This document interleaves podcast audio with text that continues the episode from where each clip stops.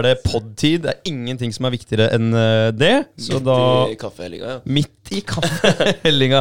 Kaffe er litt viktigere enn en det, da. Nei, men velkommen, boys. Takk. Uh, jeg For det. skal også flighte og trykke på fokus-mode, for jeg stoler ikke på bare den ene. Så jeg helgarderer meg. Du tar fokusmode òg. Altså, da, da, da fjerner den varsler. Eller ikke fjerner det, men uh, Du får ingenting. de. Ja, Ja. Ja, ja men da det er helgardert. Ja. Ja, det er smart, det. Smart. Supersmart, Ja. faktisk. Uh, ja, vi skal vi bare hoppe i det, eller? Og bare bli ferdig med Med, med, med helga? Bare gjøre oss ferdig med det derre Bli ferdig med den jævla podden. Ja, som var det viktigste. Nei, Nei, jeg tenkte helga. helga. Ja, ja. Vi har jo hatt en fantastisk tur planlagt av eh, Vegard eh, Dulund og, Og- Henrik Bjerkman. Yes. Ja. Ja, var det, var det gøy? Ja, utrolig gøy. Ja, bra. Det Bra. var eh, Irland, Yes. Dublin vi dro til. Tenk deg det, at du liksom på fredag morgen klokka 06.30 så satt vi oss eh, i en bil uten å vite hvor vi skulle. Hadde bare med oss pass Og pils. og pils. Pass og pils. De to deilig pene. Yes. Ja. Utrolig kult opplegg, egentlig. Ja, At, vi, at, vi at, at jeg får lov til å være en del av noe sånt. Det, det er fett. Mm. Det, er, eh, det er fantastisk bra. ja. Også- Årlig, årlig dudes-turen. Det er jo det vi kaller det. Ja. Den årlige dudesturen har godt uh, poengtert, Vegard, at uh, vi, ha, det er faktisk et konsept som er etablert. Det er veldig, veldig kult. Og så fikk vi ikke vite Vi fikk ikke vite før, hvor vi skulle hen før vi sto på uh, Gardermoen Airport, P4 P4. Eh, og da Nei, da fikk vi beskjed om at vi skulle til Dublin. Ja. Så motherfucking Dublin. Jævlig kult. Det var Ja. kult. Ja. Det kjennes i dag, for å si det sånn. Det, Ja. det gjør det. Eh, Det gjør det. Ja, for det, Dublin og Irland har whisky, har vi funnet ut. ja.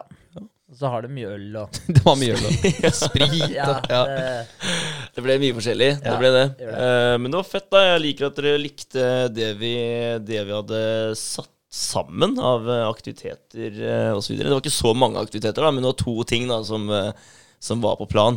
Og resten så Det er jo noe med det, Man skal ikke, man skal ikke overbooke heller med ting. Nei. Det er noe med det, Man må kunne gå litt rundt og titte. Og spille biljard, f.eks., som vi gjorde. Som var dritkult. det var jævlig nice. Ja. Helt enig. Jeg er helt enig, for ellers så mister man muligheten til å bare dukke opp eller bare dulte inn i et sånt uh, lite eh, mekka som man Mm. ikke visste fantes. Ja, Sånn- og det var også jævlig kult, det skal sies da, på den biljardplassen. Det elska jeg. At man faktisk kunne ha med Ja. egen drikke. ja, det var Og byjobb. Ja, byjobb. Bring Ja. your own booze. Og så kunne du bare få kjøleskapsplass. ja, dritkult. Kult, er ikke det? Det er det. For så burde du vært i Halden nå, Ja, faktisk. det er et fantastisk konsept. Jeg vet ikke hvordan eh, regelverket er for sånt her. Jeg vet ikke, må du ha Noe skje- sier meg at det bare ikke er lov. sikkert ha en skjenkebevilgning for det også. Ja, sikkert noen som stikker kjepper i hjula for det. Ja, det er det. Helt sikkert. Det er det. Så, Men ja. Og, ja. og Bellator-event. Det var kult. Det var fett å få oppleve. Ja, det Ja. syns jeg var eh, Det var mye, var mye fetere enn det jeg hadde sett for meg, faktisk. Og mye større. Mye for et større. arrangement. Ja, Ja. det var Ja, hvor mange folk kan det ha vært der, da? Ah, jeg vet ikke, men det var, det var stort, ass. Det var det. Det var, Det var det var delt stort. 1000 mennesker, det. Ja. Og det var sjukt, fordi jeg, jeg har et sånt supergodt minne at når jeg setter meg der og skal ta første slurken av ølen, og så bare klikka det i salen fordi det var et eller annet som skjedde, og det bare vibrerte i ølglasset mitt. Det var sykt. Så tenkte jeg faen, her er det stemning. Ja. Nei, det er dritkult. Det er det. Og det er, eh, jeg syns det er fett, da, for det er no, noen av de fighterne som har plukka ut en eh, helt rå låt, som bare, som bare catcher hele publikum, da, og alle bare synger i kor, og du bare du bare sitter der og bare Fy faen, for en stemning det er. Ja. Det er utrolig morsomt. Digga den der låta til Jeg husker ikke hvem av dem det var, men det var en av fighterne som hadde eh, Zombie av The Cranberries eller noe sånt. Ja, var ikke den der Queely eller hva det heter? Ja, var kanskje det? Ja, Nishke. Ja, lurer jeg på oss. Ja. Dun, dun, Quayle. dun, dun, dun, dun, dun, Helt rått. dun, dun, dun, dun. Ja, Da var det det, er kul, da, ass. Det var det trykk, ja. Det var det. Jeg sang for full hals for det. Ja, ja det, var, det var dritfett. Det var supergod stemning. Og Whisky Tour, eller hva det heter for noe, Jameson-distilleriet. Ja. Tour, ja. Ja, det, ja. Tour, det, det var det. Ja. Det, Guida Tour. Guida Tour. Jævlig blir flink og guide nå. Utrolig flink. Ja. Så det, altså, det er sånn, jeg tenker sånn, Når man driver et firma En sånn ansatt er det du vil ha. Ja, ja. Men hun, Passion. hun, hun snakka jo som eh, Jameson-selskap som det var. Hun var en del av familien, liksom. Jameson-familien. Det var helt Det vilt. var helt rå. Var Ja, det? det var det. Utrolig flink hun var. Ja. Tenk deg det. Og altså, hvis man tenker hierarkiet i Jameson-firmaet, så er hun sikkert ganske langt nede. Så det å kunne så det frøet, da, den persenfrø, helt ned dit. Ja, Det er eh, godt jobba. Det er det det handler om. ass. Utrolig godt Ja. Behandle alle sine arbeidere med respekt, så de har lyst til å vise entusiasme. Nei, det er helt konge. Jameson, det var, Mm. var det tilbake i 1780. Dem, eh, eller han John Jameson the first. For det var det, det hadde John The Jameson second og second, third og fourth, tror jeg det var. Ja, kan jeg bare få Tror det stoppa ja. der. Da Ja. gadd de ikke kalle sønnene sine John Jameson lenger. Tipper hun fjerde kona der. Hun var bare sånn derre Nå er det nok. ja, Kom igjen, da! må, må vi ha en femte år, liksom? Nei, det er fett, da. For å bygge opp det dynastiet, er det ikke det det heter? Ja. Det er fett. Definitivt. Ja, ja, virkelig kult. Og så for en fantastisk måte å promotere produktet sitt på også. Å ha et Museum. whiskydistilleri, museum, som du faktisk viser fram til folk. Du tar det med på forskjellige deler av det, forklarer hele historikken, la folk smake på de forskjellige typene. For- Og så, så fint det var der. Dritkult. Det der smaksrommet var jo det var jo supertøft. Ja, Jeg har noen fete bilder derfra. altså. Ja, ja. Ja, det- var et rundt bord med Altså rom, Rommet var helt mørkt, og så var det et rundt, stort bord, og vi satt sånn type i, i Det var akkurat som eh, en eller annen reality eh, Et reality-program, et sånt show hvor du hadde konkurrert om et eller annet. Ja, det Ja, var, det var at det er nesten sånn- litt sånn sektmøte òg, egentlig. Ja, Ja, det også. ja, litt sånn, det var litt sånn my mer mystisk stemning. Hvis jeg ser for dere typ sånn eh, eh, Paradise Hotel på det derre Pandoras eske, husker Ja, dere det? ja, det er fra sant. Er det Altså. når de skal stemmes ut, eller noe sånt, eller? Jeg, jeg husker ikke helt. Det det er sånn, Ja, vi, vi, vi kunne stått der med sånne der, kåper med svart Ja. hette, liksom. Vi kunne Ja. gjort det. Ja, det var Bare, Ja. Så var det rødt, fett lys i taket, og ja, det var Ja, kult. ja, ja, det var dritkult. Og på det runde bordet i midten der, og det skal sies, så, så spilte de jo av en video på bordet Mm. som hun drev og prata til. Ja, og den, tøft, ti- den timinga der òg, Ja. den var jo impeccable. Det var helt vilt. Altså, hun bare, også, hun, forta- hun fortalte jo kjempemasse. Hun hadde så god flyt i det hun snakka om. Mm. Og så så du bare mens hun fortalte, så bare skjedde alt det hun snakka om rett etter hun hadde sagt det. Hun kunne det var- alt 100 av. Ja, jeg, jeg Helt tror at hvis, hvis hun hadde hosta tre ganger, så hadde hun, så hadde hun missa det, liksom. Ja. Ja. Det var liksom, Hun bare var så spot on. Det var helt vilt. Men hun har, hatt, hun har sikkert hatt uh, x antall hundre sånne gjennomkjøringer. Ja. Så hun har øvd, øvd mye. Det har hun hun. nok. Men, Det har eh, nok. og det er kult, da. At Ja. hun har, eh, har såpass kontroll. Dritfett. Så drakk vi jo 19 år gammel eh, whisky. Var det ikke det det var? Det er på tønna. Vi fikk Stemmer jo det. smake fra en eh, tønne. Det gjorde vi faktisk. Cask Ja. Draw, som det het. Og Var ikke den helt sjukt sterk? var Var ikke den 60% typ? Jo. Ja, 56 Ja. Stemmer det. ja Stemmer det. Nice! høres- Nice. Kom det fra Vegard, da. Ja. det var jævlig bra. Og det også var kult, for da senka de jo en sånn der liten Jeg vet ikke hva de kaller det for noe, men eh, de hadde en liten Beholder, liksom. kjetting. Så de nesten ut som en sånn, sånn eh, patronhylse, egentlig. En Ja. svær patronhylse. Ja, faktisk. Som de senka ned i eh, selve fatet, og så tok de opp whisky fra fatet. Så rett i sila glasset. den det. Ja, ja, og Ja. sila det, ja. For Ja. å få ut noe sånn derre Var det ikke noe Kopper. køl? Hæ? Kult. Ja. Det er sikkert eh, litt gørr fra tønna òg, vel? Tror du ikke? Ja. Det er jo Ja, tre Jo. tønner Ja, for at de bare ligger kalte her, det noe så sånn coal eller et eller Ja. annet sånt. Ja, men var det ikke det som uh, tønnene er satt inn med, det belegget innvendig? For det var forskjell på fra Ja, tønne til stemmer det. tønne. For å skape den smak. smaken. Ja. Ja. Sant? Det var det. Kan hende det var kull. Det, det kan godt hende. Ja. Så, men det var litt av en opplevelse. Utrolig kult. Mm. Så det var jo de to main eventsa på den uh, Irland-turen. Ja. Dublin-turen. Det var det. Terningkast seks av seks på, på den turen der. Og det, men det er jo litt sånn, når du har en sånn greie som vi har der, så skaper det en viss forventning, selv om vi sier at der, ja, så lenge gutta er samla, så, så er det fett. Men du har litt press på det. Ja, litt, man har det. Man har alltid litt press på seg. At det skal gå altså det, det skal være litt action, og man, skal, man skal kose seg, liksom. Og, og det skal skje noe. Ja. Ja. Re reiselederne er spente på om uh, de andre liker uh, turen og opplegget man har uh, satt sammen, mens uh, følget de, de er spente på om uh, reiselederne har truffet riktig, da, Ja. og spent på hvor turen går. Så Det er det er, det er en eh, spenning hos begge partene. Det er noen Ja, forventninger det er her. Ja. Helt klart. Men uh, det skal sies også bare sånn kjapp recap av det prinsippet her også. Altså fordi uh, med den dudesturen, uh, hva det er tufta på for, det, for folk som hører på, det burde Mm. definitivt starte et tilsvarende opplegg. Og det vi gjør, det er at der, hver måned så overfører vi et beløp som vi har blitt enige om. Eh, og det her har vi stadfesta i en kontrakt som vi har skrevet med hverandre. Eh, og da overfører vi et beløp til en felles konto. Og så er det to stykker som skal planlegge turen hvert år. Det er alltid siste helga i september som er satt av for vår del.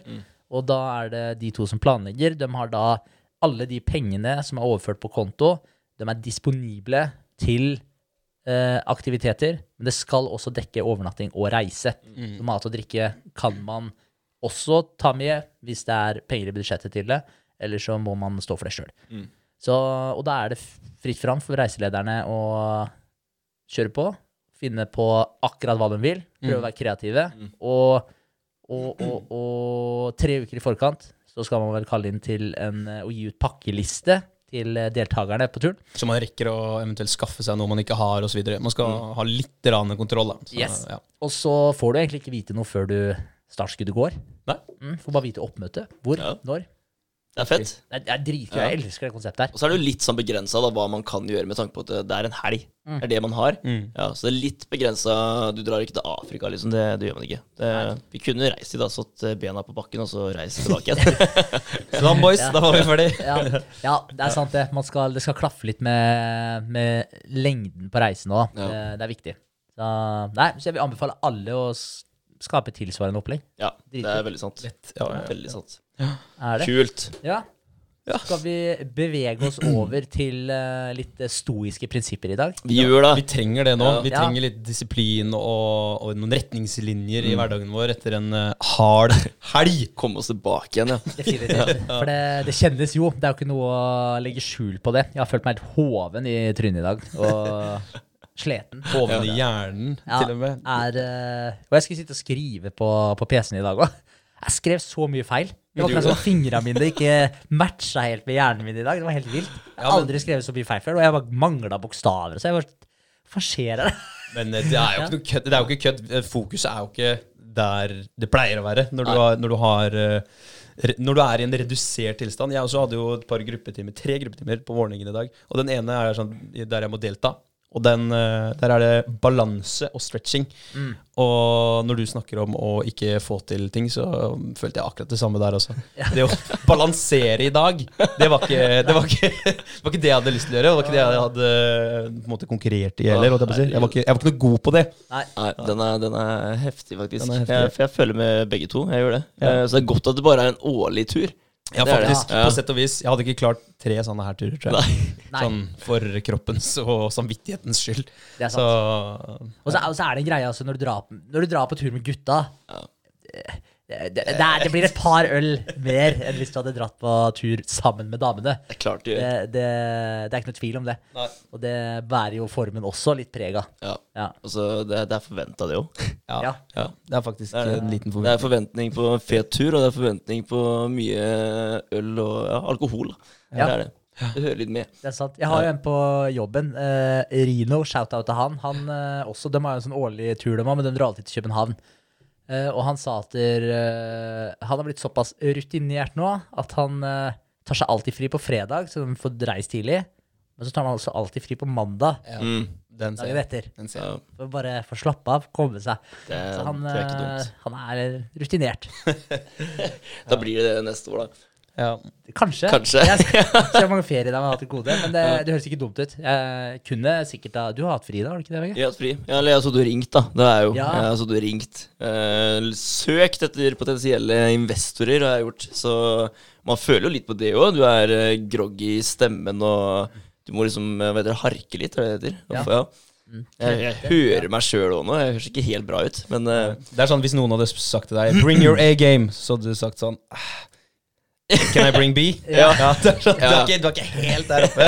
nei. I just be. Ja, Ja. Just be. Men det var greit, da. Jeg har uh, kommet gjennom hos i i hvert fall én som jeg tør å si at han ble litt interessert og ja, ville ha prospektet vi har, og vite litt mer. Kult. Så det er kult. Ja, men det er bra, Det er det. det er bra Vegard. Godt å høre. Bare kjøre på. Mm. Uh, stoisisme, det er en eh, filosofisk retning. Og filosofi, det betyr kjærlighet til visdom. Mm. Det er det filosofi er, hvis noen lurte på det.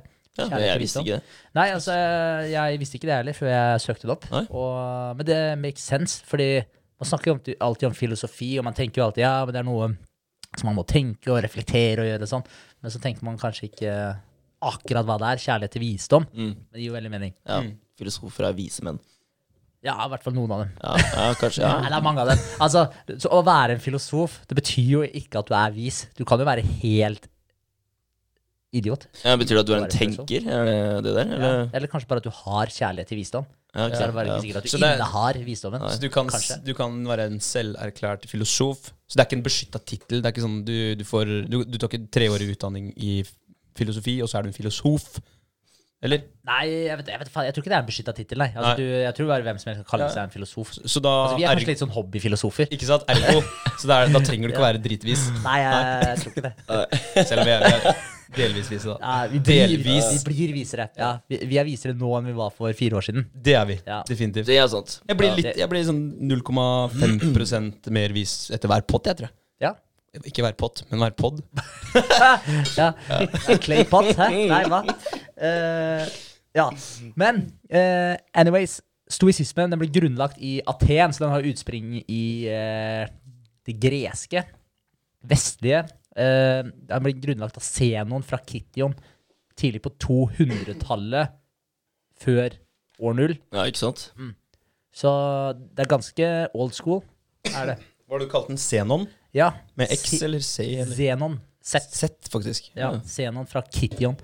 Uh, og han var en tidligere elev av Platon, hvis noen uh, lurte på det. Ja. Og det er jo, Ja, han har vi hørt om. Han har vi hørt om. Ja. Alle, alle har hørt om Platon. Eh, men da, jeg husker, jeg, jeg begynte å tenke litt på retningen han var innenfor òg, men det er det ikke noe som heter platonisme?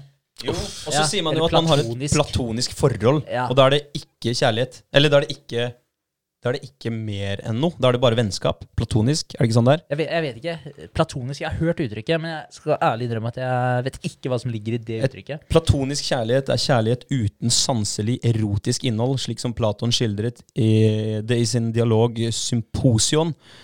Eh, Et platonisk ekteskap er et ekteskap uten eretikk og sex. Ah, ja, så, Så så han, det- han var litt forut for sin tid, da. Er det ikke den panseksuelle i dag, da, som bare blir forelska i personligheter og ikke, ikke kjønn? Jo, jo, men de kan fortsatt ha Ja, men, sex. ja, Ja. Så du Ja, kan kan egentlig bare Ja. velge et ekteskap hvor det ikke er noe, er noe følelser, da. Ja, eller ikke, ikke, er noe, ikke er noe sensuelle greier. Ja.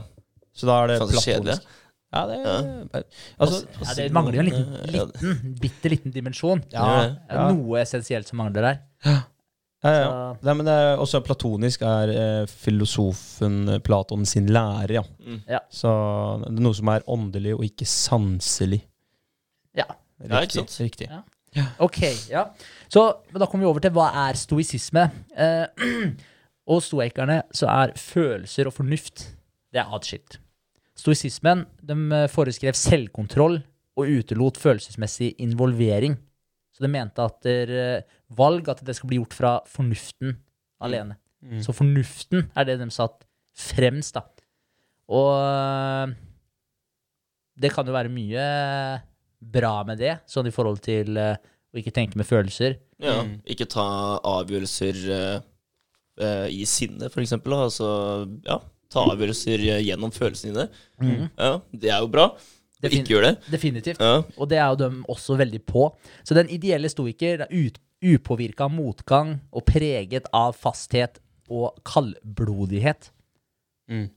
Den ideelle stoiker, altså. Uh, men vi har hørt om stoisk ro. For det er jo et sånt uttrykk som man bruker.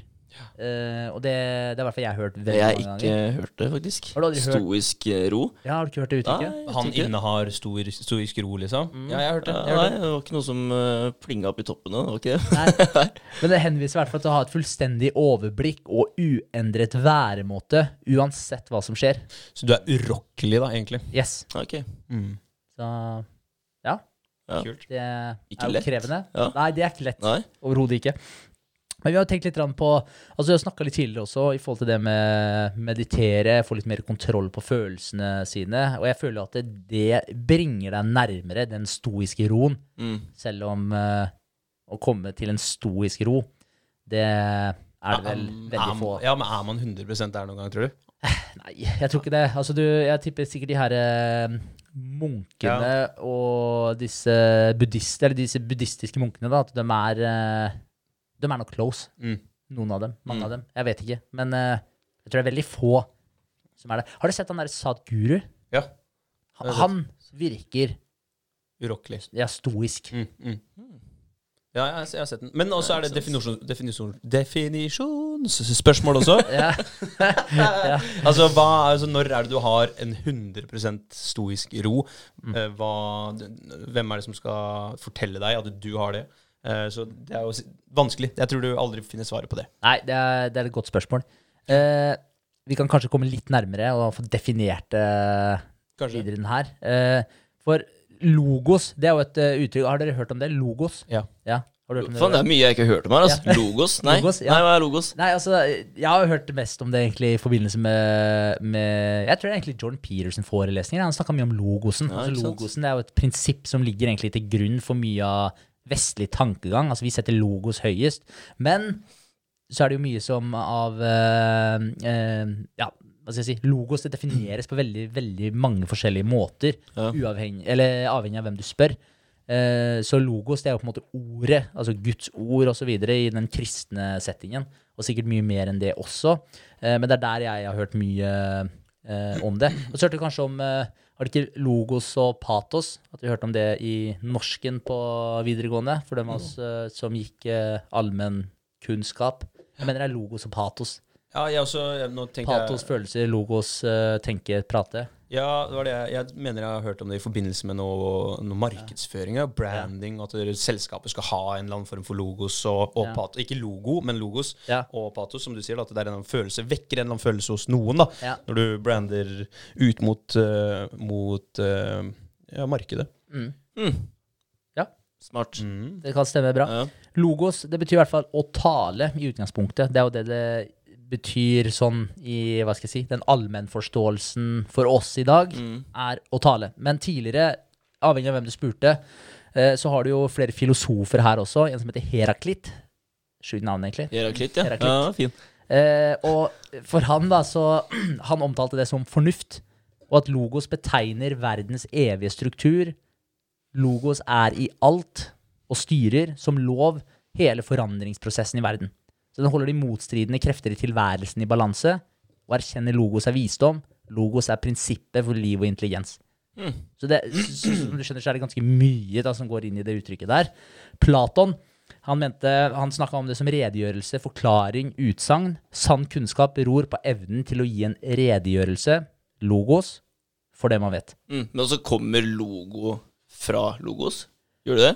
For det kan gi litt mening, kan det ikke? Jo, det kan ja, det er Redegjøre hva det er, og ja. Ja, du det er taler ut fra, fra logosen din. At mm. det skal beskrive det du driver med. Ja, ja. Det gir veldig mening. Jeg ja. tipper, at der, uh, tipper det er det. Det hadde vært litt for en stor tilfeldighet hvis det ikke var det. Ja, jeg er enig. Ja. Ja, for du har logos, patos og etos. Kult. Nå Mhm. kommer vi til patos. Nei. Nei. Sokrates beskrev logos. så, så, Jeg er utålmodig her. Jeg er hva patos er. eh, som det særlige kjennetegn ved noe. Det som skiller det fra alt rundt. Så det var Sokrates sin måte å se på det. Og så har du Aristoteles, som så på logos som den saklige fornuft, altså rasjonalitet. Så som dere skjønner, så er det, det, er, det er mye altså, Når man snakker om logos, så er det ikke helt gitt hva det er man egentlig prater om. Så det spørs veldig på settinga, konteksten man snakker om det i, for å faktisk eh, vite hva det er man mener. Ja. Så Og så kan det sikkert tolkes av Sånn som det her er jo tolka av forskjellige filosofer, forskjellige folk. Mm. Og det er vel kanskje det som skiller, da. Eh, vitenskap og visdom eh, ganske mye. Det, i, I visdom, da, kjærlighet til visdom, så, så snakker du aldri om måte, fasiter. Det er mer få folk til å tenke, få folk til å åpne seg litt mer opp. Mm. Mens når du begynner å bevege deg inn i vitenskap, så forventer alle at det er et, det er et svar da, som alle er enige om. Sånn som de som du nevnte, da, Sokrates og Platon og hele gjengen der. Det var ikke, det var ikke 100 det var ikke, det var ikke helt enighet. Altså Noen la mer vekt i den betydningen i ordet, noen la en annen betydning inn i det ordet der. Mm. Helt klart. Eh, forresten, patos. Jeg mener at det er eh, følelser, ikke tanker. Jeg, for jeg, altså, jeg har ikke notert meg patos, jeg har ikke søkt på det, men jeg er ganske sikker på at det. Patos det taler til følelser, og logos taler til Skal vi se. Ja, den der. sjekk den. Følelsesappell, ja. Følelsesappell. Ja, Ja, ikke sant? Stemmer. Og Patos. logos argumenter, og etos troverdighet. Ja, ikke sant? Ja. Det er her jeg har hørt om det i norsken, ja. Og ut på mark jeg tror det er på markedsføringa også. At det er troverdighet for produktet ditt, for firmaet. Og så er det jo argumenter for hvorfor folk skal kjøpe det du tilbyr. Og så er det at man skal vekke følelser hos folk. Få folk til å få lyst til å ja, bruke deg, da. Mm. Hæ. Ja, det er kult. Det så jeg faktisk noe om i stad, bare for å bryte litt gjennom på det. At uh, tallet tre blir ofte brukt i markedsføring. Ok. For det er noe som uh, vi forbinder eh, med alt vi har lært opp gjennom uh, i mange år. Altså Trebukkene Bruse, tallet tre, da, det er noe som går igjen hele tiden da, fra vi er små og vokser opp. Så Ja. det er en typisk ting. Se på Nike, just do it. Ja, Tre. Bare for å appellere bedre til eh, oss, da. Ah. Så bruker de det. Ja. Tre Det er kanskje kanskje noe å ta med seg. ja, tre er jo veldig sentralt i kristendommen også. Ja. Den kristne kulturen vår. Mm. Det er jo treenigheten. Den også går jo Mm. igjen mm. ja, veldig mange steder. Ja, sant. Så det gir mening, det Så også. var vi på The Three Stadium på fredag. Ja, det var vi også. Så der er det jo. Ja. Damn! Eh, I stoisismen da, så forbindes logos med pneuma, ånd og ånde. Mm. Mm, Ok. Altså ånden og det å ånde. Ja, fordi jeg har hørt pneumomi eller noe sånt. Nå, pneu, at det det er et eller annet med noe pustebesvær eller et eller Ja, annet. stemmer. Å, Ja, hva, hva Ja, er det for kommer? Sofie til å slakte meg, for det er akkurat ordet jeg sa tidligere i dag. Nei, gjorde du det? Pneumatitt. Men jeg føler dere har uh, veldig mye mer kunnskap innenfor det her enn eh, det jeg har. Altså. Er, ja, nei, det var ikke Nei, det, i hvert fall. nei, nei, ikke pneumatikk, nei. Hva var det du sa? jeg, jeg, jeg trekker det tilbake igjen. Pneuma... Nei, vet du hva? Det er eh, pneumonia. Det er noe pustegreier, sikkert. Ja. Yes. Swelling of the tissue in one of, or both of the lungs. Ja, sånn jeg føler meg nå, egentlig. Ja. Hvis ja. Ja, kanskje du har en liten eh, grad av pneumoni. Pneumoni. Jeg vet ikke om det heter pneumoni, jeg bare sa det. Det er bare fornorska pneumonia. Men da, der går det igjen, da. Ånde. Åndebesvær. Ja. Jeg mener det er det der. Ja, Så- ja men det er, det er helt riktig. Det var det Sofie sa i stad også. Det er Ja. helt riktig. Eh, men dette reflekteres også i Johannesevangeliets bruk av logos i åpningskapitlet sitt. Logos som verdensfornuften, dvs. Si universets ordnede prinsipp, er en kraft, pneuma, ånd, som påvirker all bevegelse, gjennomtrenger all materie og styrer prosessene i universet. Så logosen er, hva skal jeg si, den er nesten altomspennende. Da. Er i alt det levende. Alt som ånder, alt som lever. Gjennomtrenger alt. Og det var sånn stoikerne eh, prata om logos, eller brukte logos. Mm. Så Mm. Hardcore. Alt er gjennomtrengende. Det er ganske, ganske heavy greier. Ja, det er jo det. Helt Ja. klart. Og da kan jeg jo eh, hva skal jeg si, si den setningen som jeg starta innledningsvis med det med logos på, på nytt. Fordi stoikerne hyllet logos som det fremste prinsipp, ved at logos ble sett på som en overordna naturlov som mekanisk styrte alt som skjedde i verden. Mm. Mm. Sjukt. Ja. Så det er litt kult. Eh, men jeg tenkte på, i forhold til stoikerne, da, så er det tre stykker som jeg har lyst til å prate om, for det er de mest kjente stoikerne. De som vi garantert har hørt om i dag. Kanskje ikke alle sammen, men uh, hørt om noen av dem i hvert fall. Ja. Og- Jeg er spent, altså. Ja, No pressure, Vegard. No pressure, ja. Uh, vi kan starte med den mest uh, Eller vi starter med den eldste først. Mm. Seneca. Har du hørt om Seneca? Nei. Har du, André? Mm, nei, tror jeg ikke. Altså, nå skal ikke jeg skryte på meg at jeg har hørt så mye om Seneca, jeg heller, men grunnen til at jeg har hørt om Seneca, det er fordi jeg følger en fyr som heter Ryan Holiday, er det ikke det han heter? Mm. Han skrevet en bok også, den som jeg leste for uh, noen år siden. 'Ego is the enemy'. Ja. Utrolig bra bok, forresten. Uh, men han er jo Han uh, Ja, han er Man kan sikkert kalle han en stoiker. Han er jo veldig inne i stoisk tankegang, og han driver og poster sånne sitater fra Mm. disse stoikerne på Instagram. Og der har det kommet flere fra Seneca. Ja, ikke sant? til at jeg har hørt om Seneca. Det er jo Mm. fordi jeg har fulgt ham på Instagram. Eh, men eh, Seneca levde fra fire år før år null til 65, eller år 65, og var en berømt dramatiker og politisk rådgiver. Og så har vi E- Epiktetus, som Mm. levde fra år 50 til år 135. Og det var en tidligere slave som ble en innflytelsesrik foreleser og ble en venn av en keiser som het Hadrian. Oi. Så kult. Det er Det er en reise. Ja, det er en fet reise. Ja. Hvordan, eh, hvordan eh, gjorde han det her? Vet du, eller? Det Ja, altså han uh, hadde en veldig snill uh, En snill mester, Eier, eller ja. master, ja, eier, Ja. Uh, og som lot den studere stoisisme under han. Ja. Så, så han leste seg opp og ble en uh, vis kar. Og etter hvert som han ble visere og visere, så fikk han mer og mer respekt utad. Og når en fyr, han som eh, regjerte på den tida der, nå husker jeg ikke navnet hans, eh, han, eh, når han døde, så, så ble han her eh, frigjort, eller hva heter det, frigitt, eller hva du kaller det for noe. Han fikk, fikk friheten sin Ja. av han der eh, masteren sin. mm. Så etter det så han, så ble han lærer. og begynte å lære bort de historiske prinsippene. Så begynte å lære bort det han hadde lært, og så ble han jo som sagt da, venn av han der keiseren. da. Han, mm. Jeg tror det var han neste keiseren som kom til. Faen, det er fett. Ja, det er drit, Imponerende, ja. dritfett. Utrolig kult. Uh, og så er det siste, som er Marcus Aurelius. Mm. Han har hørt om? Ja, det er jo. Ja, Ja. bra. Han har, uh, levde fra år 121 til år 180, så de her Mm. levde liksom sånn litt etter hverandre. Med en liten, bitte liten overlapp. Og han var jo, som de fleste vet, en romersk keiser. Mm. Uh, og det er jo dritfett òg, for han har jo skrevet den der Meditations med Marcus Aurelius. Det er jo en bok Altså, det er, det er dagbøker som har blitt funnet av, eh, av folk i etterkant. Mm. Som har blitt tatt vare på, da. Så de har eh, preservert disse dagbøkene hans. Og så har de eh, skrevet de eh, Skrevet om, da. Eh, for han skrev jo på Jeg tror han pleide å skrive på gresk, om ikke jeg tar helt feil. Selv om han var en romersk keiser. Ja, ikke sant? Ja, så jeg tror han skrev dagbøkene sine på gresk. Jeg har for meg det. Kan jeg drive med litt sånn feilinformasjon her nå, men jeg mener det. Eh, men han var jo åpenbart en eh, smart fyr. Veldig, veldig gjennomtenkt type. eh, og det kom jo fram av disse dagbøkene som han skrev. Så de har da blitt oversatt til forskjellige språk, og så har det blitt skrevet bøker Eller hva skal jeg de har blitt uh, bindt opp, da, man kan kalle det Mm. Mm. og blitt solgt som bøker.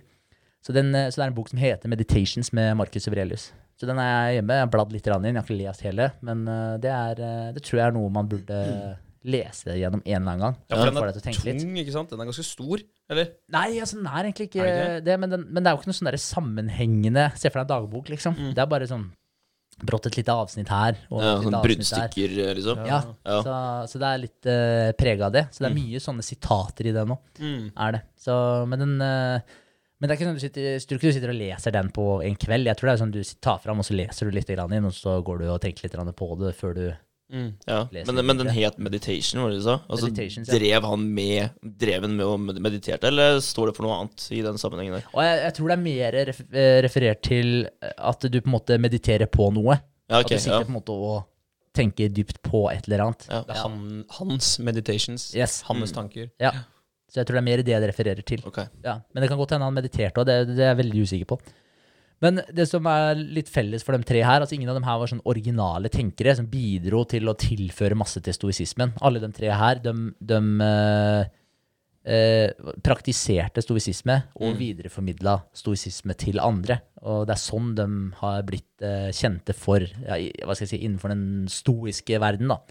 Eh, så, så de har ikke, som sagt, de er ikke originale tenkere.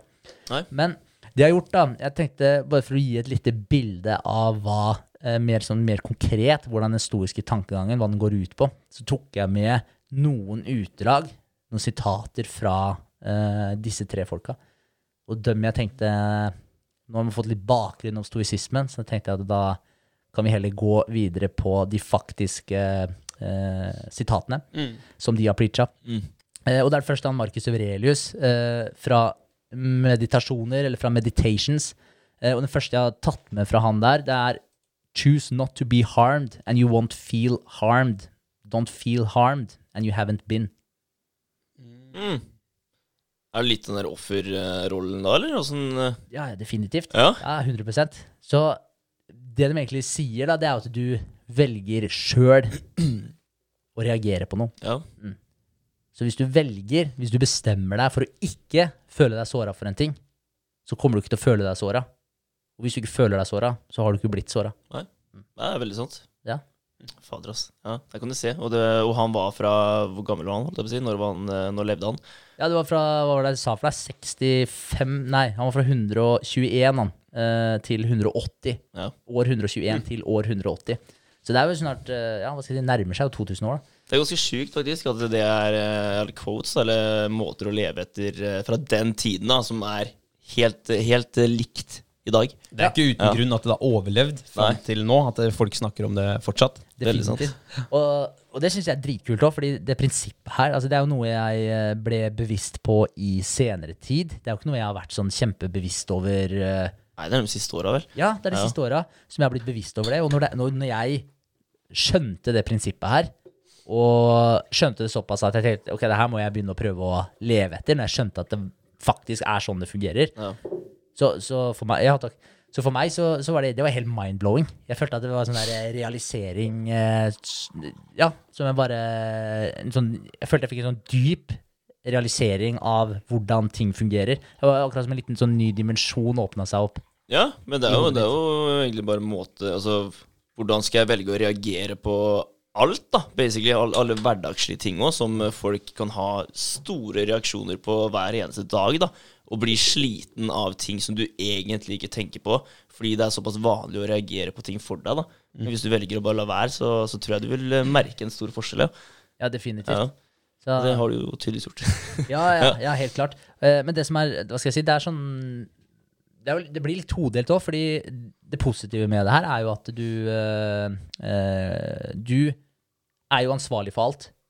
Når du, når du tar det valget, og du bestemmer deg for at eller, hva skal jeg si, om du, best, eller du må på en måte bestemme deg for det, tror jeg. Og bestemme deg for at det her prinsippet stemmer. Og prøve å leve etter det. Mm. Fordi hvis du ikke hvis du ikke bestemmer deg for det, så kan du jo bare si at nei, men det funker ikke. Det er ikke sånn det er, og så bare fortsetter du i det gamle mønsteret ditt. Så du må jo faktisk ta et valg og bestemme deg for at du skal i hvert fall prøve å påvirke det her.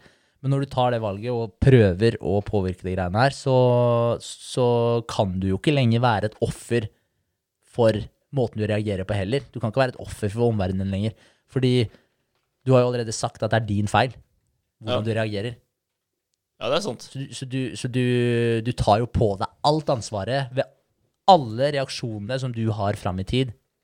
Den byrden bærer jo du i det øyeblikket du har bestemt deg for at det er det her du skal leve etter. Ja, det er helt riktig. altså. Det er jævlig kult. Det er litt sjukt å tenke på det på den måten der òg, for det, det, blir så, det blir så stort. Ja, Ja. ja men de gjør det. Ja. Og jeg, jeg, tror de, jeg tror de fleste, de eh, man, man tar til seg prinsipper, og så etterlever man dem kun når det passer deg å etterleve dem. Ja, Om du skjønner? ja jeg skjønner hva du mener. Ja, og, og jeg eh, Hva skal jeg si? Jeg uh, gjør det innimellom sjøl. Og det er jo mangel på, på disiplin, og det er jo latskap, fordi du velger jo å prøve noe en viss periode, og så bare gir du opp, egentlig. Fordi ja, du, det er vanskelig. Det er jo en utfordring Ja. å faktisk ikke være offeret. Det letteste er jo å skylde på alle andre, Mm. enn å faktisk er- ta uh, ansvar, da. Det er jeg helt enig i. Men det blir jo også en eh, type Det blir jo, det blir jo en vane, da, selvfølgelig. Det, det gjør det jo. Fordi det, når du velger at eh, den tingen her, det skal ikke jeg være offer for. Og hvis du har gjort det én gang først og skjønner at Oi, det fungerte jo veldig bra. Neste gang den tingen kommer da, så er ikke det noe du tenker over på samme måte som det du gjorde første gang. Da, da er det mye mer naturlig for deg å bare eh, ta den avgjørelsen med en gang. da. Absolutt. Ja. Ja. Så, så det blir jo Men det er en fin måte å spre det rundt på alt mulig. da. Du, du, det blir jo mye mindre å tenke over etter hvert, jo oftere du gjør det. Ja, ja, helt klart. Det er jo det der i Autonomi, fått, eh, liksom. Yes, Ja. Kroppen din, hjernen din, søker jo hele tiden etter å automatisere prosessene. Ja. Så hvis det er en ting som du etterstreber å gjøre gang på gang, så vil hjernen din etter hvert tenke at ok, men det her må vi hjelpe til å automatisere, for det er unødvendig at du skal bruke så mye krefter på det her hver eneste gang det skjer. Så hvis du er uh, flink og standhaftig i den prosessen her, og tar deg i det, og, og skaper den bufferen mellom uh, når en ting skjer til du reagerer, sånn at du faktisk kan tenke såpass rasjonelt at du ikke reagerer med følelser, Mm. så, så ja, da vil det komme veldig enkelt eh, etter hvert. Ja. Så det er, jo, det er jo grunn nok til å begynne å praktisere det. Men jeg tror det er eh, mange der ute som ikke har lyst til å praktisere det her, fordi det betyr som sagt at du må ta på deg enorm, enorme mengder ansvar. Mm.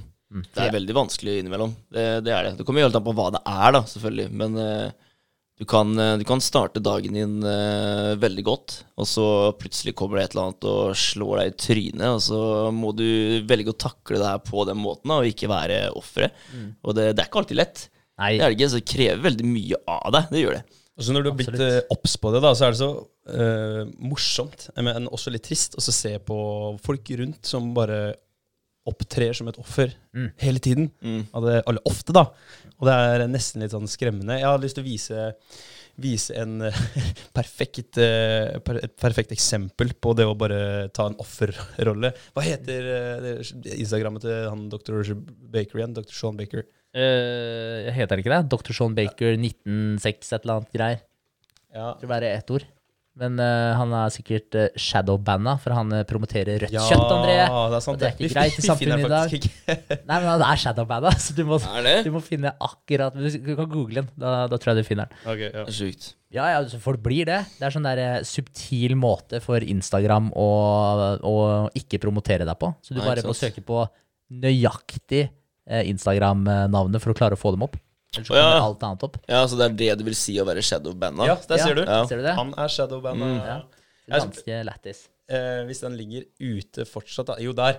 Og det her er helt krise. Har du sett den, eller? Det er, det, Ja, det her må du faktisk se. ja, der må du se. Altså, da får vi, dere som hører på, bare ikke ha på for altfor høy lyd. Fordi det her er faktisk eh, Det gjør vondt i øra. Ja, det gjør vondt i øra hvis vi får lyd på Instagram. Ja, det er det. Oi, shit!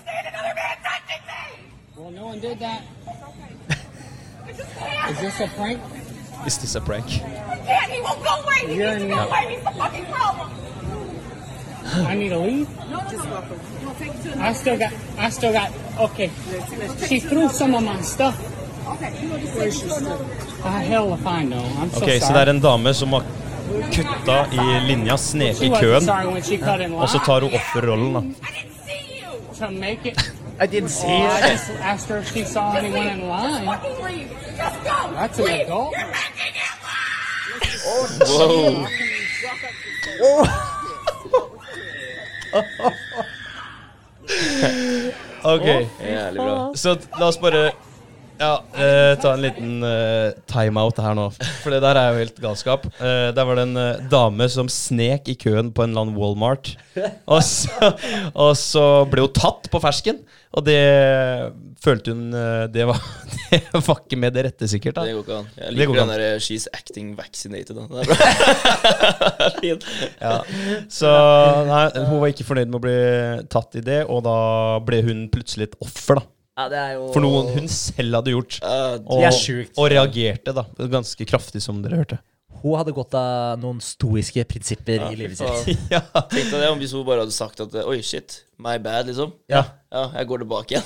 Ja. Så hadde jeg vært ferdig, da. Ja. ja, det her er noe av det sjukeste reaksjonen jeg har hørt. Hun måtte havne på nett isteden. ja, hun måtte Ja, det var valget hennes. Og så jeg liker at hun drar inn at det, det var sånn 'Stop touching me', og så har hun aldri vært borti henne engang. Da, da bare tar du det kortet der, fordi du vet at det skaper en eller annen frykt rundt deg. Ja, Ja. det er jo helt hårreisende. Yes. Helt hårreisende. Ja, sjukt. Ok, Så der har vi et eksempel på hvordan vi ikke skal gjøre det. Ikke være reaktiv til benet, i hvert fall. Du kan være reaktiv innimellom. Det er en naturlig del av menneskeheten, men helst være litt proaktiv. Jeg syns det er en veldig fin måte å se det på. At du, ja, du faktisk tar et steg tilbake og er proaktiv med tankegangen din, og hvordan du håndterer tankene og følelsene dine. Mm. Ikke bare reagere på dem. Definitivt. Hvis vi ser på når det dukker opp en eh, utfordring eller et problem, så kan man se på det som en eh, utfordring, eller så ser man på det som en trussel. Og hvis man velger For du kan jo velge mellom å se på at det her er noe som eh, Hva skal jeg si fucker opp planene dine, at det er en trussel for planene dine, eller at det er en trussel for din sinnsro osv. Eller så kan du se på det som en utfordring. Og hvis du velger å se på det som en utfordring, så velger du også å fokusere på den delen av problemet som du naturligvis har kontroll over. Mm. Eh, og det går også inn under den uh, quoten her, at der, se på alle ting som utfordringer i stedet for å se på det som trusler. Mm. For hvis du ser på det som trusler, så har ikke du lenger noe makt over situasjonen. Men ser du på det som en utfordring, så betyr det at det her er et hinder som du skal prøve å komme deg over, eller som du skal prøve å takle. Mm. Man blir jo jævlig kreativ av det da. Jo, du må faktisk finne løsning på hvor, eller du må finne svaret på hvordan du skal løse det problemet her. da. Mm. Så der igjen da, så blir det jo bare enklere og enklere jo oftere, oftere du gjør det. Ja, det er akkurat det, for du er nødt til å finpusse skillsa dine. Ja. Det er det du må gjøre. Du må bli en bedre person, sånn at du klarer å deale med de utfordringene som, eh, som du møter på veien din. Mm. Og måten å gjøre det på er i hvert fall ikke å sette deg ned og tenke at det her får jeg ikke gjort noe med i det hele tatt, eller stå og skrike i Walmart-køen fordi Nei, det er du snek. ass. snek. Har dere noen gang klikka sånn eh, publicly full? Det har jeg aldri gjort. Nei, nei, det har jeg ikke gjort. Nei, da har jeg i så fall en blackout av det, for det husker jeg ikke. Så jeg kan ikke ha gjort det. Nei, Nei, utenom fylla, da, kanskje. Jeg vet ikke. Men, Nei jeg eh, har ikke klikka sånn i fylla.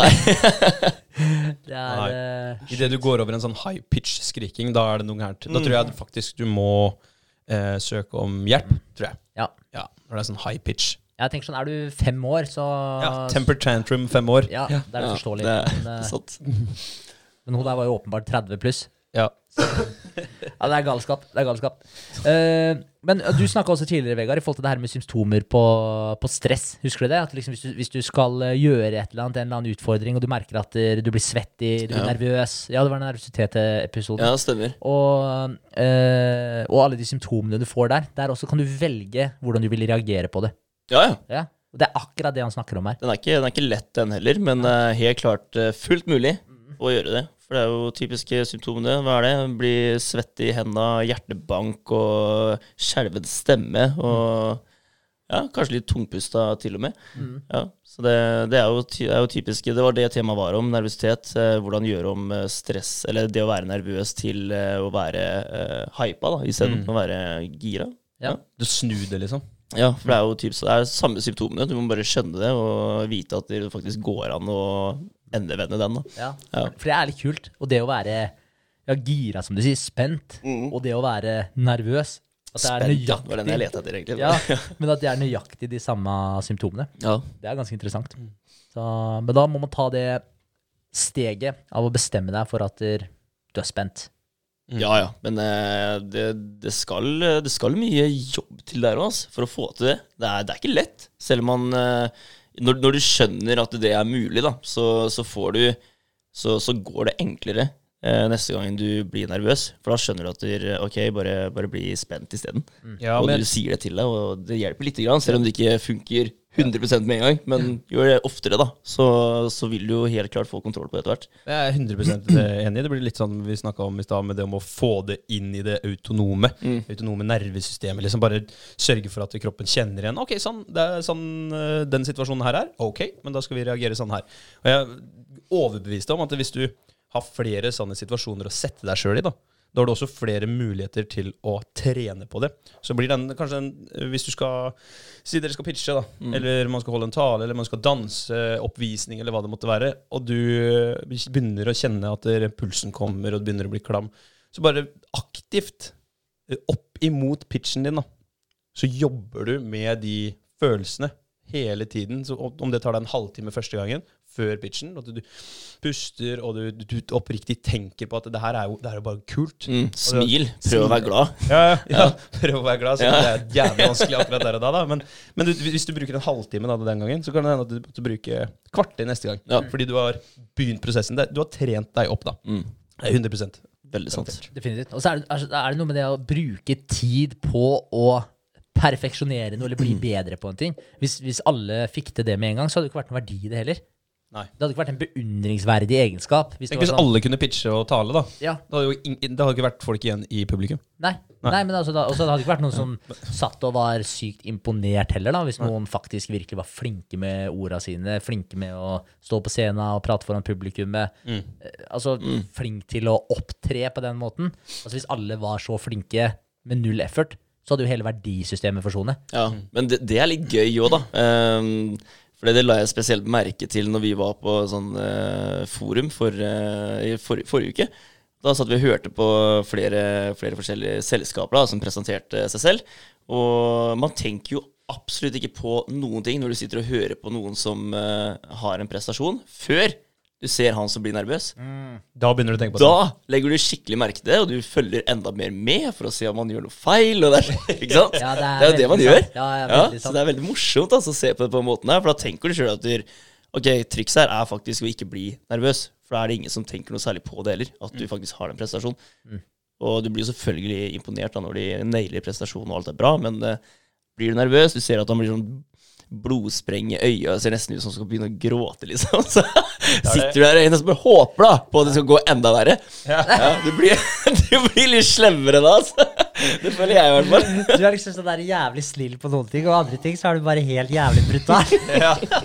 jeg, jeg blir jo stressa på den siden av veien og tenker sånn Ok, vær så snill, bare slapp av. Jeg klarer det, liksom. Jeg sitter og tenker sånn. Da er det ekstra imponerende da hvis den personen som øh, starter med å være dritnervøs, Ja. og du bare ser han kommer inn i det og bare nailer det mot slutten. Ja. Det er jo dritbra hvis du klarer å hente deg inn igjen. Det er sant. Det er helt, da er du underdogen, da, og så tar du the high road og vinner.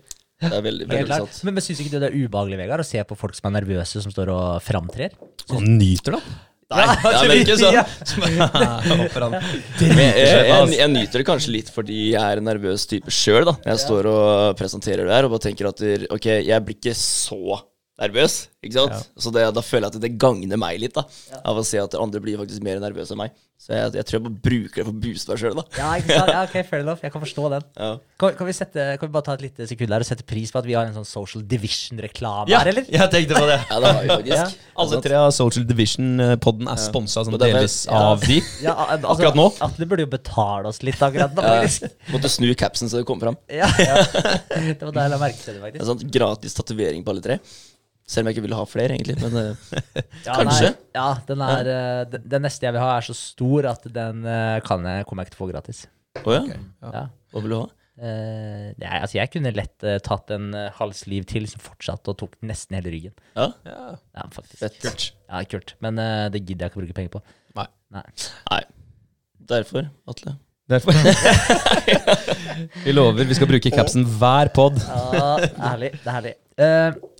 Neste av Marcus Aurelius. Uh, to do harm is to do yourself harm. To do an injustice is to do yourself an injustice. It degrades you. Mm. Ja. Mm. Kan du ta den en gang til? Ja. Ja. To do harm is to do yourself harm. To do an injustice is to do yourself an injustice. It degrades you. Mm. Så det går jo inn på det at det, vårt velvære da, det er direkte relatert til andres velvære, og hvordan du oppfører deg utad til andre. Så hvis du velger å gjøre en dårlig handling mot noen andre, så er det ikke det at du gjør noe dritt mot den andre sånn i, innad i seg sjøl. Greia er at du, du gjør en dårlig handling, og det fucker med karakteren din. Mm. Det påvirker deg negativt. Yes. Ja. Så, så man kan jo si at man ser på det fra et sånn egoistisk ståsted, men samtidig så, så er det det at du, du skader faktisk deg selv. ja. Nå følte jeg meg dårlig, da, å gjøre narr av han eh, som var nervøs. Faen, ass, nei. Der kom det litt. Ja, men jeg skjønner hvorfor du sa det, eh, for det gir jo mening at du ser jo at andre også er nervøse. Det gjør det mer greit. Du ser at dere andre det er, altså, Hvis alle sammen hadde naila presentert, og så hadde du vært den eneste som var nervøs, så er det jo også litt, det er jo litt ålreit å se at det er noen andre som faktisk blir nervøse. Sånn, du får en bekreftelse på at der, Ja, ja. Det er bare mennesker, det her. Ja, ja. Det er noe med det. ja, jeg kan også få til å presentere på en god måte. Bli mindre nervøs neste gang. Ja. Og bruke det på den måten der. Det er nok viktig å Ja. relatere seg litt til uh, andre i samme, samme posisjon. Det er nok viktig. Det er en litt sånn karmapunkt, det der, da. Ja. Sånn, hvis du gjør noe faenskap, så vil faenskapet komme og bite deg i ræva etterpå. Mm. Og, ikke nødvendigvis at verden eh, kommer tilbake og tar deg, men at du, du, du setter deg sjøl opp for å enten vinne eller feile. Ja, og, og akkurat det, og det er nøyaktig relatert til det du sa i stad, i forhold til det her med hvordan du skaper disse banene da, i, i uh, hodet ditt, i hjernen din, som skal automatisere den prosessen. For det er jo det du gjør idet du tar et valg. Hvis, hvis du har et valg, Mm. du kan gjøre en positiv ting, og det kan også være å la være å gjøre noe. Det kan også være å la være å gjøre noe, en positiv handling. Det må ikke være at du faktisk gjør noe, men at du lar være å gjøre en dårlig ting. Det kan jo være faktisk å utføre en positiv handling bare ved å la være. Så hvis du har et valg enten å gjøre en positiv ting, eller gjøre en negativ ting mot noen andre, det at du velger å gjøre den negative tingen, uansett om det bare er i brøkdelen av et sekund som du velger å gjøre det, og det trenger ikke være en sånn kjempefæl greie heller, men det du gjør, er jo at du skaper de banene i hjernen din som automatiserer den prosessen. Så neste gang du blir stilt overfor et dilemma om du skal ta et riktig valg, som ofte er mye vanskeligere der og da enn å ta et litt dårligere valg, mens det er jo gevinsten etterpå som ofte er eh, den gode valget, det gode, vanskelige valget. Det er ofte gevinsten etterpå eh, som det gir deg, som er eh, det du på en måte leter etter. da. Men hvis du tar det dårlige valget det som kan, det er altså en hvit løgn. Hvorfor drar man en hvit løgn? Jo, for det er lett å dra den hvite løgnen der. Men den kan komme og bite deg skikkelig i ræva senere. Ja, ja. Så, men, det, men det at du tar det valget, og velger å ikke stå for en, den ene tingen, velger å ikke stå for noe du har sagt, velger å ikke stå for noe av det du har gjort, så du velger å dra en hvit løgn, det gjør jo at neste gang du havner i den situasjonen igjen, så er det enda enklere for deg å dra den hvite løgnen. Det, er- jo derfor også det heter it degrades you. Det er veldig sant. Ja, at du, du blir faktisk degradert, eller du, du Karakteren din blir Ja. degradert. Ja, ja. For ja. du, hvis du eh, lever livet som om du er i et visst level, da, at du har Ja, nå levela jeg opp fordi jeg gjorde en god gjerning, eh, så vil du da faktisk levele ned. da. Du mister et nivå. fordi at du, Når du hver gang du gjør en sånn ting, så gjør du det lettere for deg å gjøre det en gang til igjen. da. Så du blir faktisk en litt dårligere versjon av deg sjøl. Akkurat det du Det henger jo sammen med alt, da. Altså når du ditcher trening, da. Ja. Ja, så blir enklere for deg å ditche den treninga neste gang òg, for det, ja, det gikk jo så fint eh, gangen før. Ja, ja, det er akkurat Så det. det, det blir jo samme, samme der òg. Men eh, hvor ofte er man i en situasjon Det tenkte jeg på når du snakka om det med valg. At når du har, du har et valg, så har du ofte Du har jo ofte flere valg. Det er, det er veldig sjelden man er i en situasjon hvor man oppriktig ikke har noe valg. Hvor du kan si at «Vet du jeg hadde ikke noe valg. Jeg, jeg måtte skyte han der eh, fyren her, eller jeg måtte eh, la være å gå ut med søpla, eller jeg måtte Jeg hadde ikke noe valg. Så nå var det to ganske store kontraster akkurat der, da. Men det er Hvor ofte er man i en sånn situasjon? Jeg, ja, jeg tror at der, eh, Tror du nesten aldri? Nei, men jeg tror at der, hvis du havner i en sånn situasjon, så er det alle de dårlige valga du har tatt i forkant av den episoden der, som har satt deg i den situasjonen.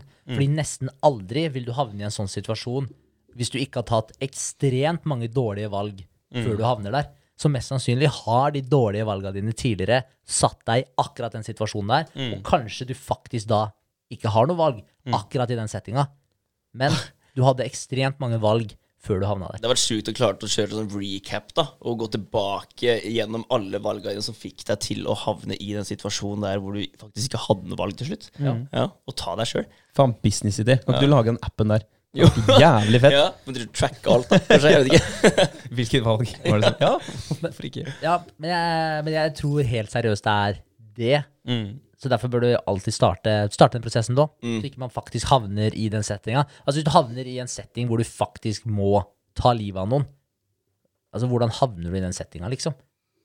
Ja, det er kanskje Ja. Med mindre du har mad uflaks, da. Ja. Men hvis du, hvis du, du havner i en situasjon hvor du faktisk må ta livet av noen, og det er et eller annet, jeg, jeg vet ikke hva det faen det skulle vært Det, jeg. Nei, det må jo være, det må jo være selvforsvar, da. Ja. Jeg hadde ikke noe valg. Ja. Altså Hvis du kommer Hvis det er en eller annen blindgate, og det kommer en fyr og skal stabbe deg, og du tilfeldigvis ja, klarer å stabbe han tilbake, holdt jeg på å si. Ja. Uh, stabbe han først. Ja. Da hadde du kanskje ikke noe valg. Nei, det kan jo skje. Men da mindre du bare gir fra deg lommeboka, da, så er det good, liksom. Ja, for Det eksempel. jo, det kan jo skje. Men eh, er det liv og død, Ja. så, så, så må jeg jo si at eh, da er det Jeg hadde ikke noe valg. Men bare se på familien til Batman, da. Var ikke Ja. de, de døde jo uansett, de. Når de ga fra seg lommeboka, ja. Ja. Ja, det er Ja. helt dårlig Ja, så det er ikke alltid du må gjøre det, eller Nei. bør gjøre det. Nei. Så. oh, fuck it up. Shit. Ok, men uh, bare ta det eksempelet der, og så lev litt sånn, da. At bare, jeg skal sørge for å ta valg som aldri setter meg i en sånn situasjon. Mm. Det er jo egentlig et eh, godt tips, da. Definitivt. Og, og man starter jo med de små valga altså til å begynne med òg. Det spørs jo hvor man er i livet, hvilke valg man har tatt fram til nå. Eh, men eh, det her med å utøve selvdisiplin, for det er jo også det det går på. Gjøre ting som du har sagt at du skal gjøre. Være sann mot ditt eget ord. Være sann mot din egen samvittighet. Det er jo mye av det det går på. Så du sier ja, det er rutinene. Du skal stå opp til et visst klokkeslett, du skal spise en viss type mat, du skal uh, ha en viss form for fysisk aktivitet gjennom uka. Uh, du skal være en sånn person mot vennene dine, du skal være en sånn person mot partneren din, uh, en sånn person mot familien din, du skal være en sånn type kollega. Mm. altså, alle de tinga her er jo valg du tar hver eneste dag. Det er det. Ja. Det er egentlig stort ansvar, egentlig. Ja, det er det. Det er det. Ja, det, ja, det, er det. Det er sant. Det er sant. Og, det, og det som gjør at det blir så stort ansvar, er at du blir bevisst på det. Mm. Men jeg tror det er derfor også de fleste vil ikke være bevisst på det, fordi det betyr at da har du faktisk et ansvar for hvordan du oppfører deg. Ja, det Det er, er veldig sant, faen meg et godt poeng. Ja. Du tar på deg et større ansvar når du faktisk velger å være en litt mer disiplinert person. Ja, ja, Du selvfølgelig gjør du jo det. Og det er jo mye vanskeligere enn å la være. Da kan det ikke bare Ja. flyte lenger. Nei. Nei. Du kan ikke det. Og det er jo det som eh, eh, Hva skal jeg si Du, Litt tilbake til det der jeg nevnte i stad, som man tar litt sånn der på seg eh, visse, Tar med seg visse prinsipper i de settingene man føler at det passer, og så driter man i det i de settingene som man føler at det ikke passer. Så man er liksom sånn i det ene øyeblikket så er man eh, superdydig, og det andre øyeblikket så bare gir man etter for alle svakhetene sine. Eh, fordi da er det lettere å gjøre det. Ja. Og, så, eh, og der er det jo, der er det jo et uh, uh, Der har Jordan Peterson en bra uh, frase, et bra sitat, som han sier, i forhold til det å Hvis alt Eller hvis du mener at livet er meningsløst, så betyr det at alt Altså ingenting har noen betydning. Så ingenting du gjør, har noen betydning. Men hvis du mener at livet er betydningsfullt, og livet er meningsfylt, så betyr det at alt du gjør, absolutt alle valgene dine, har mening og betyr noe. Og det betyr ikke at den bare betyr litt, det betyr at den betyr alt. Mm. Uansett hvor liten den handlinga er. Uansett om det er å jeg vet ikke, holde døra for noen, hjelpe en uh, eldre person som uh, bærer noen varer til bilen sin, altså sånne småting. Alt det betyr alt. Mm. Hvis man bestemmer seg for at livet faktisk har mening. Og, og der har du de to motsetningene. Men de fleste av oss, inkludert meg selv, vi driver og vaier fra den ene sida til den andre. Og når det er litt for ubeleilig for oss å se på at alt har betydning, og alt har mening, så gidder vi ikke. Så da bare Nei, telles ikke det prinsippet nå. Og så neste øyeblikk så Ja, nå telles det. Du setter, du setter det litt på pause, sånn som når du er på guttetur til Irland, f.eks. For eksempel. Ja. Når du Ja, kommer hjem ja. og bestiller en svær pizza og cola etterpå, liksom. Ja. Yes. Ja, ja, det, ja, ja, det er det man gjør. Fordi jeg har jo utgangspunktet sagt til meg sjøl også at jeg skal jeg spise på en viss måte. Og, og, og når jeg kommer hjem da fra Irland, dritsliten, og det eneste jeg har lyst på, jeg har ikke lyst til å lage mat, så da kaster jeg alle de prinsippene ut av vinduet, og så bestiller jeg meg en pizza. Så da bryter jeg jo med et prinsipp som jeg har satt meg fore sjøl. Fordi da er det blitt ubeleilig nok for meg til å følge, følge de prinsippene. Ja. Sant. Det er sånn, eh, umiddelbart så var det sånn glass half full, half empty-prinsipp, egentlig. At vi alltid har enten så har alt mening, eller så har ingenting mening. Mm. Og når du lever da på, på den uh, fulle siden, da, hvor, hvor alt har av, bet- eller er av betydning, så betyr det at der, den der lille handlingen du gjør, den setter i gang disse der eh, autonome prosessene som vi snakka om tidligere i stad. At du, ja, vet du hva, jeg skal gjøre sånn her hver gang jeg er i den situasjonen. Og da vil jeg, vil jeg alltid opptre som om alt er viktig, da. Mm. Fordi at når du kommer i en lik setting neste gang, så er du, er du på samme nivå rent uh, uh, hva skal jeg si, tankemessig.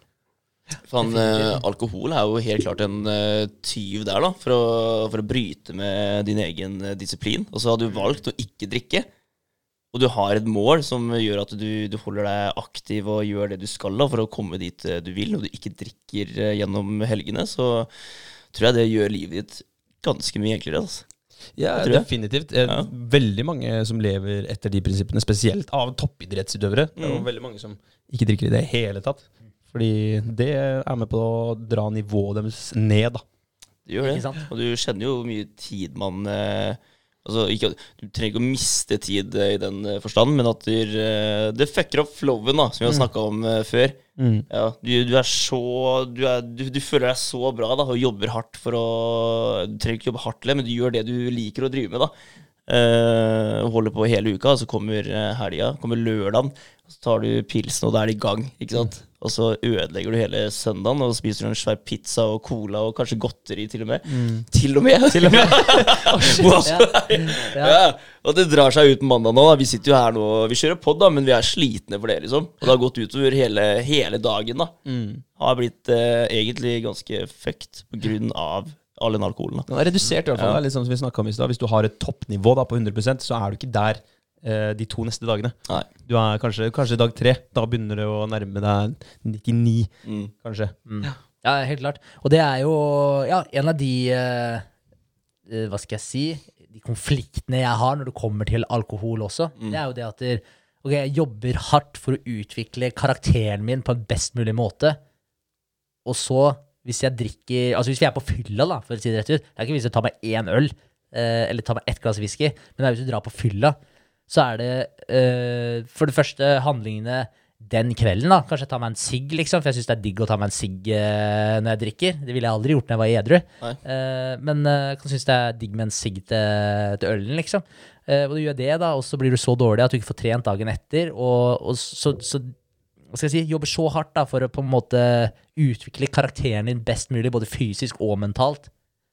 Og så er alkoholen den er stikk i strid Mm. med det jeg jobber for å oppnå til Bare Du knekker det ned igjen. Ja, Ja, Men så er det jævlig gøy, da. ja det er det. så, så, ja, nei, så den, der, den er ikke enkel. Men jeg er litt, jeg har sagt på meg før også, da. Sagt til dere også. Jeg er litt konflikta når det kommer til akkurat de greiene der. Ja. Storkos meg. Herregud, jeg har hatt det drithyggelig i helga.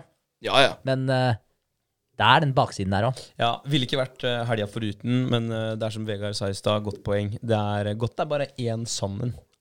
Så har den. Det er det. Ja. Det er det. Veldig sant. Uh, den neste. The impediment to action advances action. What stands in the way becomes the way. Og den syns jeg er jævlig kul. Fordi uh, det betyr jo at de tinga Altså når du har satt deg et mål fore som du skal oppnå, så er det de hindrene og de tinga som kommer i veien. Det å faktisk takle de utfordringene der, løse de problemstillingene, komme deg over de hindra, det er det som er veien til målet ditt. Så, så det er ikke det som prøver å stoppe deg fra å nå målet ditt. Det er veien til målet ditt. Så du må bare akseptere det, da. For det kommer til å være en del av deg resten av livet. Og liksom bygger karakteren din på vei til målet også. Du skal ikke være foruten de hindrene, for da, da er det Ja, da går du utenfor veien din. Ja. Mm. Kult. Det er jo noe med det, altså Hvorfor er ikke alle suksessfulle? Jo, det er fordi de stopper når de møter den motstanden der. Mm. De finner ikke veien eh, over, som, som er veien til å bli suksessfull. Da. Ja. Ja. Og du går på en smell, og så er det 'Å, nei, det, det her var ikke noe for meg', det. Mm. Det her var ikke meninga, at det skulle skje med meg. De er veldig sånn. Og så Ja. bare tenk deg samfunnet i dag også. Hvor, hvordan Har dere noen gang hørt noen lære kids i dag, eller oss for den saks skyld, når vi eh, vokste opp, at utfordringene du møter på, det er en del av å nå målet ditt? Vi snakka om det tidligere også, det her med at alle får medaljer i dag. Det skal ikke være noen tapere, osv. Altså, det det er stikk motsatt av det det her preacher, da. For det du egentlig sier da, er at der, eh, eh, Ja, du, vil, du fjerner jo hindrene. Du fjerner problemene til barna for å gjøre det enklest mulig for dem. Så du tar jo bort hele utfordringa ved Ja, ja. å faktisk komme deg fram til målet. Du skal bare få målet uten en utfordring. Du, du gjør jo folk svake i dag. Det er klart det. Og da, da, da, da mister du helt meningen, da. Det er jo noe med det. Altså, hvis alle skal være, alle skal være suksessfulle, da, så, så vil det å være suksessfull vil nå et nytt, en ny topp igjen, da. Ja. Da, blir, da blir jo alle vanlige, da. Ja, Ja. ja men det er jo akkurat det Det er ingen som skiller seg ut da. Nei, da tar du vekk verdien av det. Yes, det er det. Så, så det er bare trist. Mm. Hm. Ja, det er faen meg sant, altså.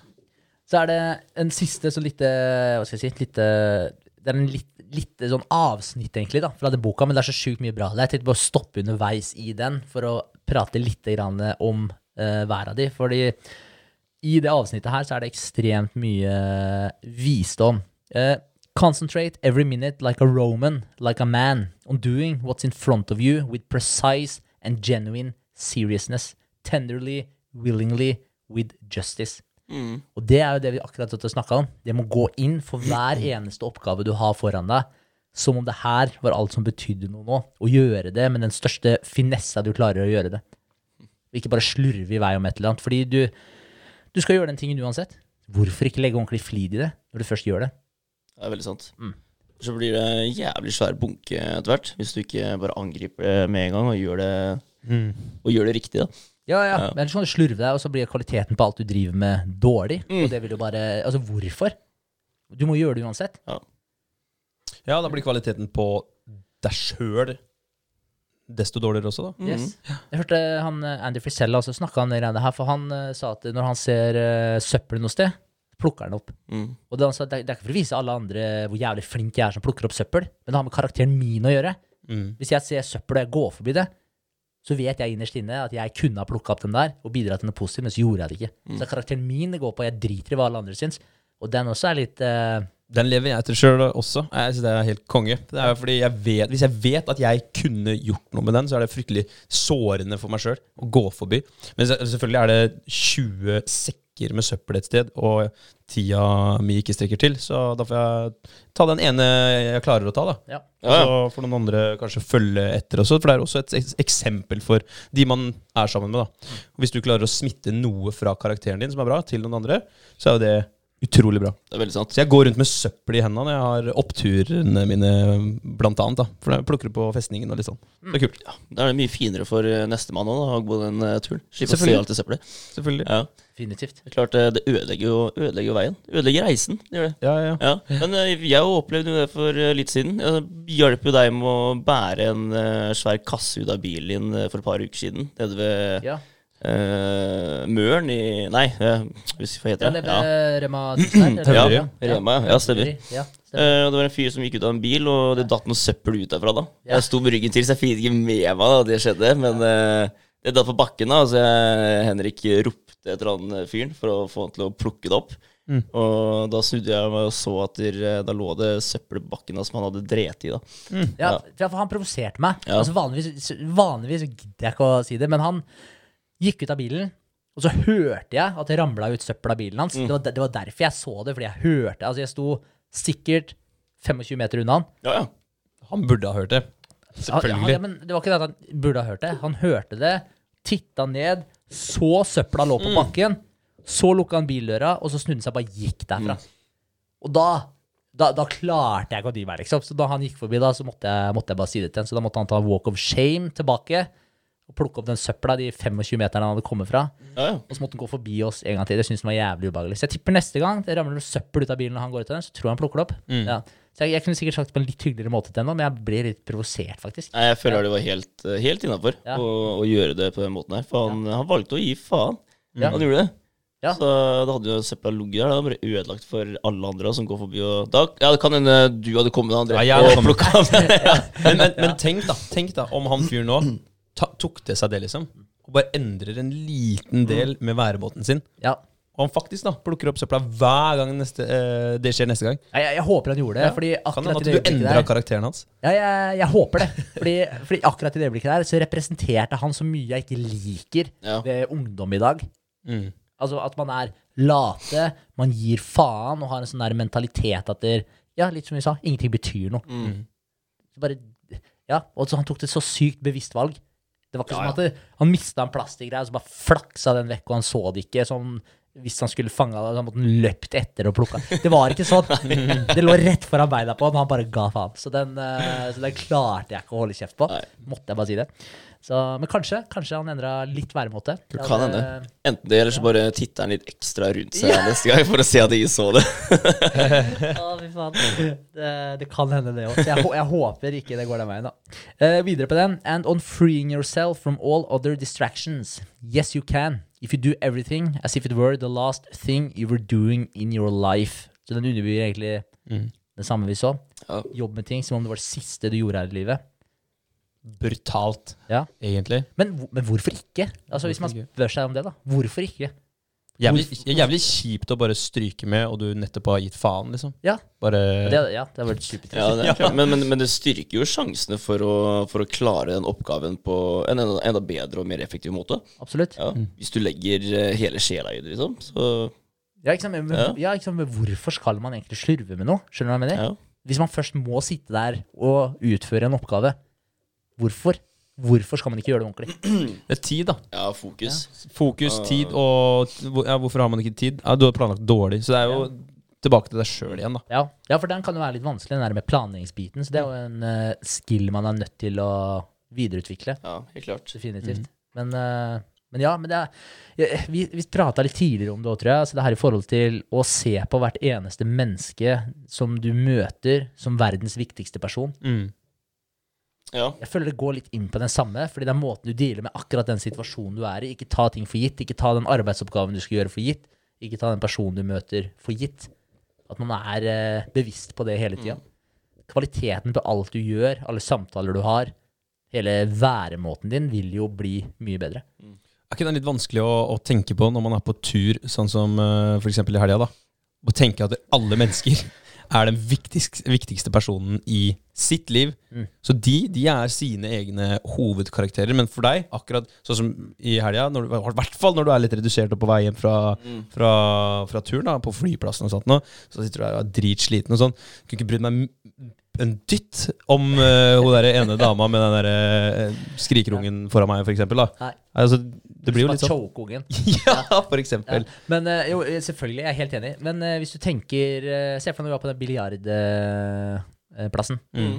og så si til han Nå var vi veldig hyggelige mot han. Sånn, eh, ikke at vi pleier å være uhyggelige, ikke det jeg mener, men vi var litt sånn ekstra hyggelige, kommenterte plassen litt og sånn. Mm. Men, hvem var man kunne på en måte vært sånn da, i alle settinger, som når du faktisk har en interaksjon med en annen person, at da velger du å bruke litt andre ord, at du velger å bruke, legge litt mer trykk på de positive tinga. Sånn som at du, jeg elsker den plassen dere har her, det er utrolig kult. Bare det prinsippet med at du kan ta med pilsen din, at dere har satt kjøleskap, eh, lagt til rette for det. Eh, helt nydelig atmosfære her, så dere har gjort en kjempegod jobb med den plassen her. Mm. Det koster ingenting å si det. Og vi sa delvis det, Mm. men ikke så eh, Ja, vi hadde det litt travelt på vei ut. Ja. vi hadde det, men, men det, det gagner jo han veldig, da. At vi sier det. Gjør det jo. Og det gagner alle andre òg, for da kommer han til å jobbe enda hardere for å skape en enda bedre atmosfære. Opprettholde ja. Det gjør det jo. Ja. Så, Skjønner at eh, Sant. folk digger det. Ja, så kanskje i de settingene, da. At man kan eh, prøve å, å ja, bruke et par ekstra ord, bruke et par ekstra sekunder på de interaksjonene der. Ja, for det, for det er vanskelig når du er i, et, i en, en folkemengde, liksom, og bare se på ja, du, Si du har 20 pers i din umiddelbare nær, nærhet, da. Ja. Og så bare titter du på alle de forskjellige menneskene, de rare skapningene som står rundt deg. Altså, alle er hovedrollen i sin, i sin egen lille film, da. Det er Ja. ganske vanskelig å forholde seg til. Ja, det er det. Så, og det tror jeg, men jeg tror ikke det er poenget heller. Jeg Nei. tror det er alle interaksjonene du har. ja. Mm. Men, men, men igjen, det, man, man er jo det. Altså, dem, dem er jo det. Dem er jo sin egen viktigste person Ja. i sitt liv. Yes. Så de er jo det. Så, men det, det er rart å tenke på det. Ja, Fordi det da, i den settingen der, så er jo du det for deg sjøl. Du har ikke lyst til å dele den spotlighten med noen.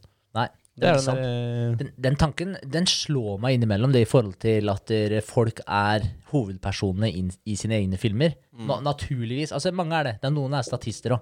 mm, Eh, Du bare lar ting skje. yes. Ja. Men, eh, men eh, alle tenker på seg sjøl som den viktigste personen i sitt eget liv. Og det er litt interessant å tenke på. for Den, den tanken slår meg sånn innimellom når jeg står og prater med noen. Så jeg, kan være, hvis jeg står og prater med en 60-åring, så brått så slår det meg bare Shit! Du har hatt helt, et helt sjukt langt liv med helt sjukt mange opplevelser. Og du har en helt egen familie, masse venner. Du har en helt annen historikk da, enn det jeg har. Mens jeg sitter egentlig bare og tenker på, da, i utgangspunktet, mine følelser, mine tanker rundt det her, og hva skal jeg si, min opplevelse av situasjonen. Mm. Og så bare innimellom så, så får jeg det spørsmålet sånn Ah, shit. Mm.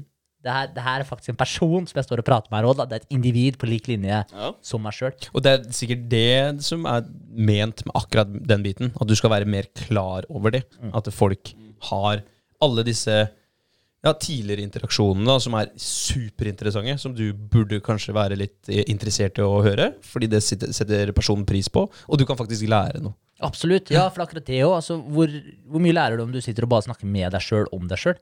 Ingenting. Du gjør ikke det. Du kan jo alt. Nei, ja, det var akkurat det. Du får ingen nye inntrykk, da. Ja, sant. Ja, så for alle andre har jo et eller annet å tilføre. Nesten alle. Nesten Ikke alle, nesten alle. Nesten alle. Uh, videre på den. And stop being aimless. Stop letting your emotions override what your mind tells you. Ja. Litt tilbake til følelsene, da. Og det å ha et mål, en aim.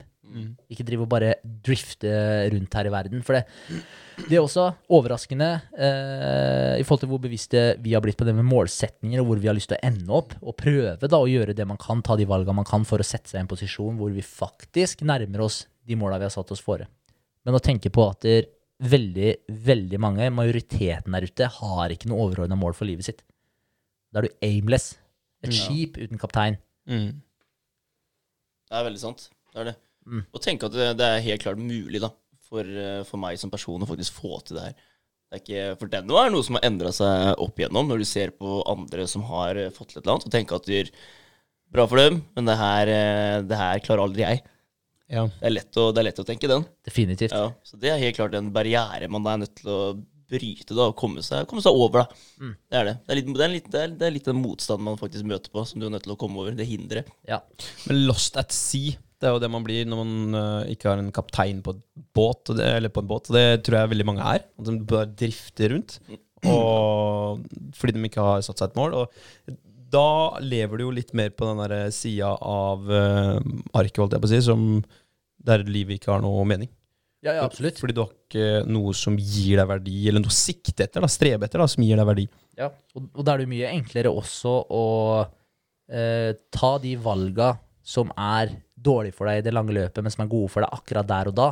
Fordi du tenker ikke langt nok fram. Mm. Så da er det jo jævlig enkelt da å bare drite i kostholdet, drite i treningsplanen du har satt for deg. Drite i når du skal stå opp om morgenen. Spiller ingen rolle. Modestep har en låt som heter 'Living for the Weekend', og det er jo mange som ender opp der, da. Ja. Altså, Målet ditt er å komme gjennom uka. Ja. Ja, ja. Faen, det, det, er, typisk det er videregående. Trist, ja, det er trist, liksom. Når jeg tenker tilbake på det. Jeg misforstår jeg hadde jo helt gøy. Jeg hadde det helt bra, jeg hadde det gøy, liksom. Men, men det er sånn Bare leve for helga. Så du bare komme deg gjennom Jeg vet ikke hvor mange prosent det er av uka di, ja. men jævla mange prosent, i hvert fall. Mandag til fredag. Og da skal du først begynne å Leve som Leve. du ønsker. Ja, Det er ganske vilt. utrolig tragisk. Ja. Så et altså, mål i livet ditt burde jo være å gjøre at du har det så hyggelig i helga. Så, så hyggelig har du det at alle dagene dine blir så bra. Mm. Det, det burde jo være det ultimate målet for alle, og hva den dagen innebærer, altså, eller inneholder. Eh, Det får jo være opp til deg, må du finne ut av. Mm. Men du burde i hvert fall finne ut av det, sånn ideelt sett, hva den burde, hva den burde inneholde. Hva er din eh, ideelle hverdag? Altså, uavhengig av om det er hva man heter eh, søndag, mandag eller tirsdag.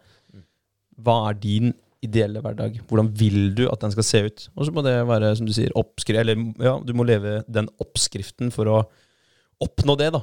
Du må lage oppskriften. Planen for å oppnå akkurat den hverdagen. Definitivt. Og, og hva er det som er mer edelt enn å jobbe mot det? Altså For deg sjøl og for de rundt deg. Altså, hva er det som er edlere enn å jobbe mot det målet der? Og hvis ikke du har det livet i dag, nei, da bør du faktisk eh, sette i gang og gjøre noe med det. Ja, men du, du bør jo det. Ja, Ja. Hvorfor skal du slå deg tilfreds med Se på oss, da. Vi er eh, typ 30 år gamle, liksom.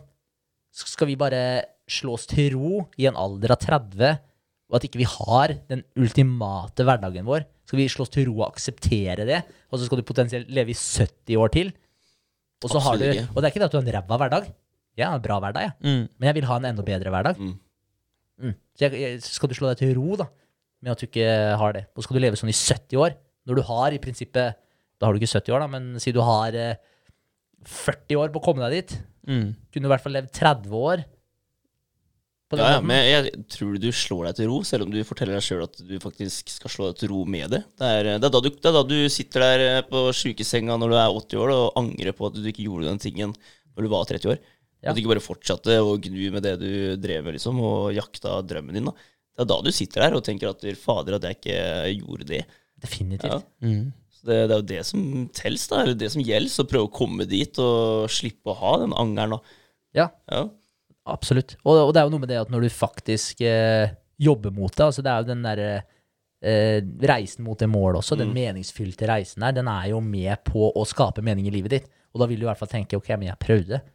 Og jeg kommer lengre enn jeg ville gjort hvis jeg ikke prøvde på det. Ja, ja. Ja. Så, nei, så jeg tenker at det burde være et minimum at man uh, tenker over den. Mm. Helt klart. Den siste setningen der, den er uh, Nei, det var ikke siste. Nest siste. Stop being hypocritical, self-centered, irritable. Mm. You see how few things you have to do to live a satisfying and reverent life. If you can manage this, that's all even the gods can ask of you. Så jeg, jeg følte at det der avsnittet der, det inneholder så sykt mye. Så du, du ser hvor mye vi klarte bare å dra ut av det avsnittet her nå. ja. Typ en halvtime, eller? Ja, det er bare fem setninger. Så, så nei, det er, det er eh, en utrolig bra greie, og jeg tenker at å bare leve etter de, eh, det lille avsnittet der. Bare du lever etter det, så vil du faktisk komme utrolig langt. Mm. Eh, det er tatt med noen sitater fra Seneca og Epiktetus også, eh, og de er litt eh, kortere, da. Men eh, eh, Seneca sier We suffer more often in imagination than in reality. ja. Ikke sant? Fordi vi ser for oss ofte at ting kan gå til helvete. Og det gjør som regel ikke det. Nei Det er, eh, det er jo altså, Jeg vet ikke hvor mange prosent, ja, men det er i hvert fall høyt opp i 90-tallet, i hvert fall, i forhold til hvor mye man stresser over som aldri skjer. Mm. ja, ikke sant. Det er det, vet du. Ja. Se for deg de, de dårlige utfallene, da. Og derfor igjen velger du å kanskje ikke gjøre det heller. Det er mange krise, krisemaksimister der ute, hvis det er noe som heter det. Krise, det er mange som Ja, vi det, krisemaksimerer. vi Ja. kan kalle det det. Ja, det hørtes eh, det bra ut. Ja, ja. Krisemaksimister. Ja. Men uh, og, se på bare de tre siste åra, eller to siste åra, med koronaen også. Der er det jo ja, Vi har snakka om det nå nylig, med vaksinene. At folk har pusha så mye ned i halsen på folk som ikke kanskje var akkurat sånn som, sånn som det skulle være, da, fordi man hadde ja, en eller annen visjon om at det her kommer til å gå såpass til helvete Mm. Og har tenkt på det hele tiden. Og da formidler man det til sine nærmeste igjen, og, og venner av venner av venner. av venner Så folk forventer at du skal ta det valget om å ta vaksina. da Fordi at det er, det er sånn vi unngår den krisen her. Mm. Istedenfor å ta et steg tilbake, leve i reality og bare tenke ok, er det faktisk nødvendig? Mm. Nei. Nei, Da gjør vi ikke det. Stille spørsmål ved det. Mm. Ja. ja, for det er, eh, det er veldig sant. Altså hvor mange tanker man har i hodet over et eh, potensielt utfall som aldri skjer. Mm. Og hvor mye det fucker med stressnivået ditt, humøret ditt, forholdet ditt til de rundt deg, konsentrasjonen din, med det å være i nuet, holde på å vie fokus til det du faktisk driver med, og det du prøver å skape nå, uavhengig av hva det er. Men så er det også etter et eh, valg eller en handling, hvis det har skjedd noe dritt, hvor mange ganger du går og straffer deg sjøl for den etterpå. Mm. Ja. For den er også gjør at du lider i eh, Reality. Ja, jeg skulle til å si imagination, men jeg kom ikke på det norske ordet for det. Ja, fantasien. I fantasien, ja. Du lider i fantasien din. Fordi, og det har jeg også snakka om tidligere også, i forhold til det her med dyr. Hvor mange ganger dyr straffer seg sjøl hvis de gjør noe galt. Mm. Og hvor mange ganger vi straffer oss sjøl for at vi gjør noe galt. Og, og altså, vi kan jo ødelegge oss sjøl. Ikke at vi gjorde en ting, men av at vi går og tenker på at vi gjorde den tingen så og så mange ganger. Gjenopplever det gang på gang, ja. Ja, Det er det du gjør. det er akkurat det. Og det, og, og det er så viktig å vite det også, at der, hele systemet ditt tror at det skjer igjen. Altså Det er så viktig å vite det, at det er sånn fysiologisk. Så tror hele kroppen og hjernen din at der, når du forestiller deg en ting som har skjedd tidligere, så gjenopplever du den. Og hjernen din vet ikke forskjellen på at du ser for deg den tingen her, og at du faktisk opplever det. Og det er like viktig å tenke på i positiv forstand, da. Ja, Jeg tenker positivt. Men uh, jeg bare kom til å tenke på Jeg fikk litt uh, ble litt glad når jeg tenkte på det. For det er det samme med- Noddy òg. Hvis han har BT stykker en sko eller noe sånt noe, og så, får- og så får han uh, en kjennefinger, liksom. og Sånn, Nei, det får du ikke lov til å gjøre. Og da legger han seg ned på ryggen med tunga ut og later som han er litt sånn halvdød. Ja. Men så tar det jo ti sekunder, da, så er han oppe og skal slikke deg i trynet, og han gir Ja. faen, liksom. ikke sant? Så tenk så fint det hadde vært, da. Ja, Det er jo noe å ta litt lærdom av, faktisk. Ja. Ikke bare nag. Ikke bare nag. Ja. Så, nei, men så den, eh, den også er veldig viktig å tenke på. While we wait for life, life passes. Mm. Det er veldig sant. Det er det. Det blir jo litt som uh, uh, hvis du har lyst til å nå et uh, punkt i livet, da. Med, du, skal, du skal komme dit du vil komme, da. Så er det veldig Du har en idé, og åssen blir det å formulere, formulere det riktig? Det er eh, du, du har ideen, men eh, du gjør ikke jobben for å komme dit. Du bare ser det for deg. Ja, Ja. ja, ikke sant? da da forblir det bare en idé. Men eh, hvis du faktisk utfører handlingene, så, så kommer du dit. Ja. Ja, så er det valget å ta der, da. Ja, altså, tenk deg så mye urealisert potensial det er der ute. Ja, ja. Og bare i oss sjøl. Det er helt sykt. Men det, det, det krever mye jobb, da. Ja. Gjør det. Altså, du kommer med en idé, da, et, et eller annet, og du skal faktisk eh, klare å, klare å skape den tingen her og gjøre det virkelig. Det krever utrolig mye. Det gjør det. Ja, det gjør det. Ja. Men, det- men jobb er mye jobb. Så hvis du har en, en eh, hvis, du, hvis du er i jobb, da, Mm. så er jo det, det er fortsatt eh, Det krever mye av deg. Ja. Åtte timer på Nexans eller åtte timer på nivå eller hva det måtte være. Det krever mye av deg.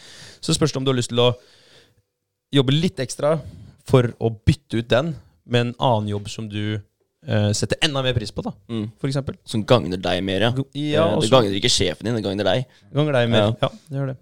Så det, det er jo helt klart eh, noe å tenke på, det òg. Definitivt. Ja. Og da kommer vi perfekt inn på det neste òg. It is a rough road that leads to the heights of greatness. Mm. Det er det også. Ja, altså Den fjelltur er jo ikke, den er jo ikke lett. Nei. Du går jo ikke på toppen av en, en, eh, en av de norske fantastiske fjellene våre og tenker at det, det skal være en eh, smooth tur som du ikke blir sliten på. Det er sant. Og utsikten er jo helt nydelig når du kommer opp. Ah, fint, eh, fin analogi. Definitivt. Og tar du ikke da, og strever etter å komme dit, så får du heller ikke følelsen av å nyte utsikten. En helikoptertur opp. Ja. Det hadde vært litt nice, det òg, da. Ja, litt. det hadde vært litt nice, hadde det. Men det er, jeg tror det smaker litt bedre når du er sliten Ja, og har fortjent å komme deg opp dit. Fortjent den Kvikk Lunsjen som du ikke skal spise. Det var entrecôte som venta på toppen her. Ja, ikke sant? Se, se, se, for deg, se for deg at du kommer opp i helikopteret der, da. Og så steller du, steller du deg på, på topp. I dress. Og så, og, så, ja, så kommer alle disse slitne menneskene opp der i fjelltøy, og så bare ser du på det. Jeg tror du hadde følt deg dritt, ass. Ja, ja. Jeg tror Det det, hadde du faktisk. faktisk. Jeg tror ikke den hadde smakt like godt når du så de som kom opp svette i trynet, og som hadde fortjent den utsikten der. Jeg tror ikke den hadde smakt like godt. Det smaker ikke med en seierspils da, vet du, på toppen der. Den er ikke like god den hvis du har kjørt et helikopter opp, kontra å gå opp og være svett og sliten, og endelig så bare popper du der liksom, feirer at du kommer på toppen. Det er jo helt nydelig. Ja, det er noe med det. Ja. Definitivt. Eh, the, greater, the greatest remedy for anger is delay. Den beste okay. motgiften for sinne er forsinkelse. Og og forsinkelse Ja, og- sinnet, liksom. Og bare drøye den litt, for kanskje han dabber av. Yes. Følelsene dabber av. Det jeg, på, det jeg tenkte på med en gang jeg så den der, det var faktisk eh, meditasjon. Mm. Fordi og, eh, altså det med å meditere, det for meg har skapt den lille bufferen fra noe skjer til jeg reagerer. Mm. Så jeg tenker at det, så, så det lar meg klare å få kontroll på følelsene før de tar overhånd. Fordi hvis du blir så forbanna at du bare du klarer ikke å ikke vise at du er forbanna, så, så har du allerede mista kontrollen. Jeg syns han, måte allerede for sent. jeg synes han Tate hadde en fin greie der. Det var den uh, med at de svake menneskene, og da han snakka spesielt om menn, da, svake menn, at de er de farligste menneskene der Ja. ute. Yes. Fordi de har ikke evnen, de har ikke kontroll på følelsene sine, for det krever styrke.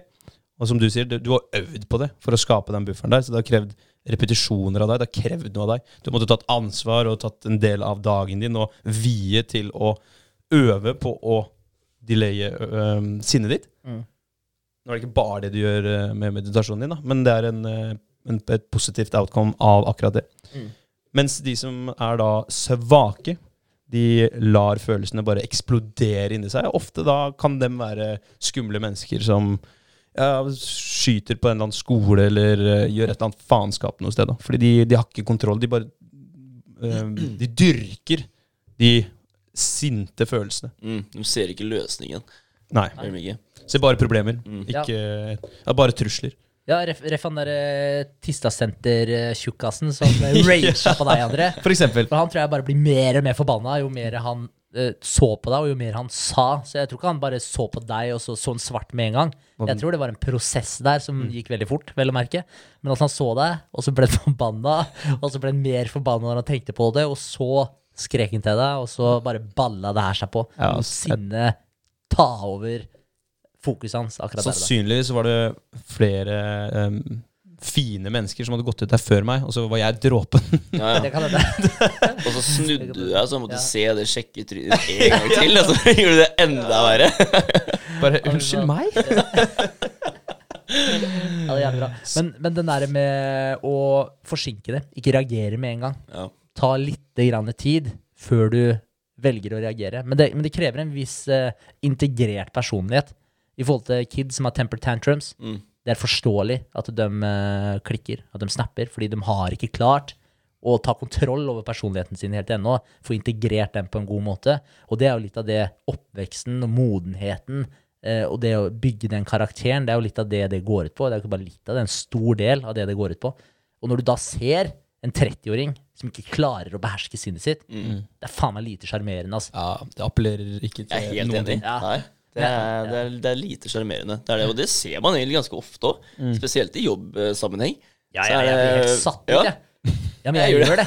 For en voksne fyr liksom skal du stå og klikke på den tingen der som ikke kan bevege på seg. Mm. Altså, det er en ting. ja, ja Men det, det er en det er helt sjukt. faktisk, Ja. det. Så Så, så ubetydelig det egentlig er. Ja, det er helt Ja. vilt. Så Herregud. Ikke bra, ikke bra. No man is free who is not master of himself. Og det er også litt av det vi egentlig har snakka om nå. Mm. Det med å bygge, skape den karakteren. At du får kontroll på deg sjøl. Gjør det du sier at du skal gjøre. Mm. Så det betyr basically at hvis ikke du har kontroll på deg og karakteren din og valga du tar, hvis ikke du styrer de valga, så er du basically en slave. Og da kan du sitte og flire av dem som har havna i fengsel og så videre, som ikke har noe frihet lenger. Men så er det ikke sikkert du har så mye frihet sjøl heller. Hvis du lever for åtte til fire-jobben, du kommer hjem, slenger deg på sofaen, bestiller noe fastfood, skrur på TV-en, og så bor du i sofaen der resten av kvelden, og så gjør du det samme på repeat dagen etter. Det samme på repeat dagen etter. Så kommer helga, så drar du på fylla, og så gjør du det samme på repeat hele tiden. Altså Hvis du gjør det der uke etter uke, så er du ingen fri mann. Nei, det er sånn når du sier det, så bare tenker jeg fy faen, så utrolig kjedelig og trist å ha det sånn. Jeg bare så Ja. degrade, jeg. Jeg så det Ja. ordet. Bare, Du blir degradert hele tiden. Ja. Og, ja. og det er jo også trist. da. Altså, jo eldre du blir, jo vanskeligere blir det å gjøre noe med. Mm. Og jo mer sementert blir også personligheten din. Mm. Og alle de dårlige valgene du har tatt, som du har forma disse banene i eh, hjernen din, i nervesystemet ditt, så blir det utrolig vanskelig å gjøre noe med det her senere. Så trist syns jeg også var det riktige ordet på akkurat det. Ja. Mm. Nei, uff. Fysj. Nei. Men are disturbed not by things, but by the view which they take of them. Så det er hvordan du ser på ting som forstyrrer deg, som gjør deg forbanna, eller som plager deg. Det er ikke tinga i seg sjøl som gjør det. Og det er reft den derre å klikke på en, eh, Ting, ja. en ting som ikke lever. ja. Det er, jo, det er jo du som har gitt den makta over deg, som har gitt den meninga. Hadde du bare akseptert at eh, Nei, funka ikke den. Bare prøve å fikse det. Kanskje han trengte nye batterier. Jeg vet faen, jeg. Det er ikke alltid lett, det er ikke alltid lett heller. Det er, uh, innimellom så er det ting man har uh, Ting man har valgt å ikke reagere, reagere på da, på en aggressiv måte. Og så har det egentlig kanskje bygd seg opp litt uten at du selv tenker over det. Og så kommer den der lille tingen da, som egentlig ikke burde være noe å klikke på i det hele tatt. Men så var det bare siste dråpen. Det var dråpen? Ja. Ja. Men, men jeg tenker også da at du altså Basert på min egen erfaring med akkurat det her, så, så er det en ting som jeg har latt plage meg. Mm. Og så har jeg tenkt på den flere ganger, latt den komme opp, og ikke på en måte hva skal jeg si, forkasta den og bare akseptert at det var sånn var det. Det er ikke noe vits å bruke noe mer energi og følelse på det, så jeg la meg bli litt revet med av den.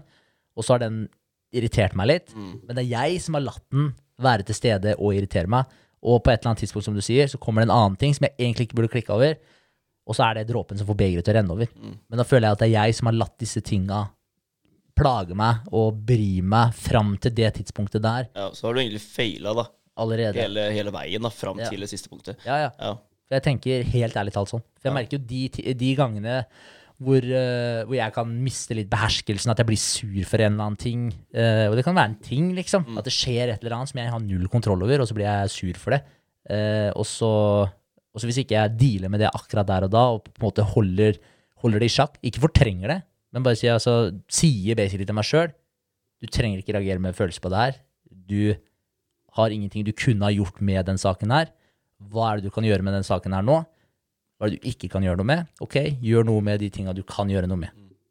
Aksepter det, for da handler det jo bare om å akseptere det. Mm. Så hvis ikke jeg klarer å gjøre det, så plager det meg videre. Jeg, t- jeg tenker umiddelbart at det, eh, noe sånt som, eh, som det her, i et jobbintervju, så skulle det vært en sånn reaksjonstest. Hvordan du reagerer på en ting. For det forklarer mye om deg som person. Sånn type eh, ja, du, du setter en iPad foran, eh, foran eh, mennesket du intervjuer, da, og så ber du dem om å gå inn på en eller annen side, og så har du programmert den iPaden til å ikke laste den siden 100% så de driver og henger. Driver med oppdaterer, oppdaterer, oppdaterer. Og så bare faen! Hva skjer her nå? Jævlig treigt internett! Og så klikker de, da. Og da er det sånn, ok Knuser den, liksom. han skal ikke inn her. eh, For, for eksempel, da, jeg bare tenker at det, for det sier veldig mye om deg, hvordan du håndterer frustrasjon. Ja. Istedenfor å go bananas, så bare bruk eh, litt styrke. Og Jeg synes det var en god idé. Ja, hvorfor ikke? Hvorfor Ja. ikke? iPad-intervjuet. for, for, for eksempel. Jeg vet ikke, Det var bare én ting som jeg kom på nå som kan være frustrerende. Hvis du, det er mange andre ting som er frustrerende som man kan brukt i den sammenhengen her, da, men eh, det var en av dem. Ja, jeg synes du likte det. Jeg likte jeg, det jeg, jeg fikk ja. mye bilder i hodet når du sa det Ja. der. Jeg Jeg fikk en utfordring. Ja, ja men jeg tror, jeg tror jeg skal gjøre det i, når jeg skal ansette eh, min første person. Ja, Da må du gi oss beskjed om hvordan det her gikk. ass. Ja, det er utrolig kult. Det blir en sånn case study. Ja, Ja. for eksempel. Utrolig bra. Likte jeg. Bra, bra. Jeg gleder meg til å høre det. Uh, den siste, det siste sitatet jeg har her, det er No great thing is created suddenly. Og det er jo litt den der veien til fjelltoppen som vi prata om litt tidligere her òg. Forresten, de fem siste her, det var Epiktetus og ikke Seneca. Jeg bare glemte å gi, okay. gi, han creds. Kjipt at det navnet ikke er på moten igjen, da. At ikke det er Epiktetus? Ja, ja. Ja, men du skal jo snart ha kid, du, André. Det blir Epiktetus, ja. Epiktetus. ja. Men det passer jo bra at han holdt nesten helt ut i dag. Ja. Ja, det kan du jo si. det er bra. Ja, det var det, var det, The boys. Ja, Ja, men jeg syns det var kult, Ja. Det var mye, mye, mye innhold her jeg ikke hadde hørt om før, og ikke visste om. Men også mye som vi har eh, vært igjennom før òg. Ja. Det er det, for jeg føler at eh, mye av det vi snakker om, det henger sammen, selv om det ikke nødvendigvis er de samme tinga vi basically snakker om. da Ja. Ja, Så har de Ja, trådene henger fast i hverandre, da. Det er litt deilig òg, fordi det underbygger alt sammen. Så man føler at det, ok, det er ikke bare bullshit som blir dratt opp i podden dypt vann. Nei. Fordi det er mange forskjellige retninger som, som sier det samme. Og jeg er jo ikke noe stoiker. Ikke ennå. Vi får diplom etter podden, gjør vi ikke det? Jo da, vi Ja. har gjennomgått uh, kurs volum 1, så nå er dere apprentices. Apprentices. ah, men, Så kult. det- men uh, det, jeg- det jeg syns er så utrolig kult, da, er når jeg hører uh, ideer som er over 2000 år gamle, og så resonnerer de så sjukt Mm. med meg i dag og oss i dag, og, og hvor mye visdom det er det der, Kjærlighet til visdom. Altså Hvor mye visdom det er i mange av disse sitatene. Jeg er helt fascinert over det, Ja, liksom. det er, det er merkelig, altså. Jeg syns det er rart, det. Det er, eh, drit, det er dritkult, da. Altså, Ja. Det er jo det, men jeg syns også det er rart at det er såpass gammelt. Ja. Liksom. Ja. Men, men det som er så kult med det også, er at du, du kan ikke komme og si at hvis du lever etter noen av de reglene der, så vil du bli ja, Altså, du vil ikke bli noe bedre. Du vil bli dårligere. Ja, Det, ikke sant? det kan du jo ikke. Nei, Nei overhodet ikke. Det er sant. Altså, ingen av de punktene der vil gjøre noen noe dårligere enn det de er i dag. Så det, det er også veldig godt da, og veldig eh, fint å ha med i en pod som handler om det å bli bedre. Mm. Absolutt. Ja, veldig bra tema. Det var det. Ja. Kult. Ja, så skal vi bli litt sånn hobbystoikere også. Ved siden av hobbyfilosof. Ja, ja, ja. ja vi er Full, full mye, pakke ho- nå. Det er bra. det er my, mye hobbyer. Ja. men det er mye bra. Altså. Jeg er innom eh, flere positive ting, og jeg tenker det her er mye gode ting man kan ta med seg også. Eh, man trenger jo ikke ta med seg alt innenfor alle de eh, hva skal jeg si, segmentene man er innom. Fordi stoikerne også, en liten sånn fun fact på slutten, de mente jo også at du, som, som vi også sa, eller som jeg sa innledningsvis her, de mente jo at du ikke skulle styre noen ting med følelser. Det har vi fått et bilde av nå. Så de mente at hvis du da ble vanæra, og livet ditt basically gikk til helvete, så var det bare å drepe deg sjøl. Ok, ja. Ja, fordi du har full kontroll over livet ditt, så du skal også velge om du skal leve, oh, ja. eller om du skal dø.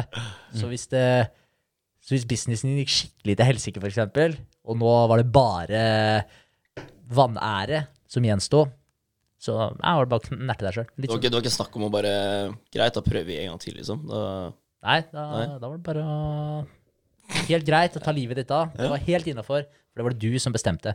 Så, så det er kanskje ikke alt der som er uh, like fascinerende. Men uh, de skal jo ha det, da, at de tok uh, rasjonaliteten til et nytt nivå. Det gjorde de. Så ja, det er bra. Veldig bra. Og med det så tar vi livet til denne episoden. Yes. Det er bra. Takk for i dag. ja, takk for i dag. Takk for i dag. Eh, lungebetennelse, Sofie.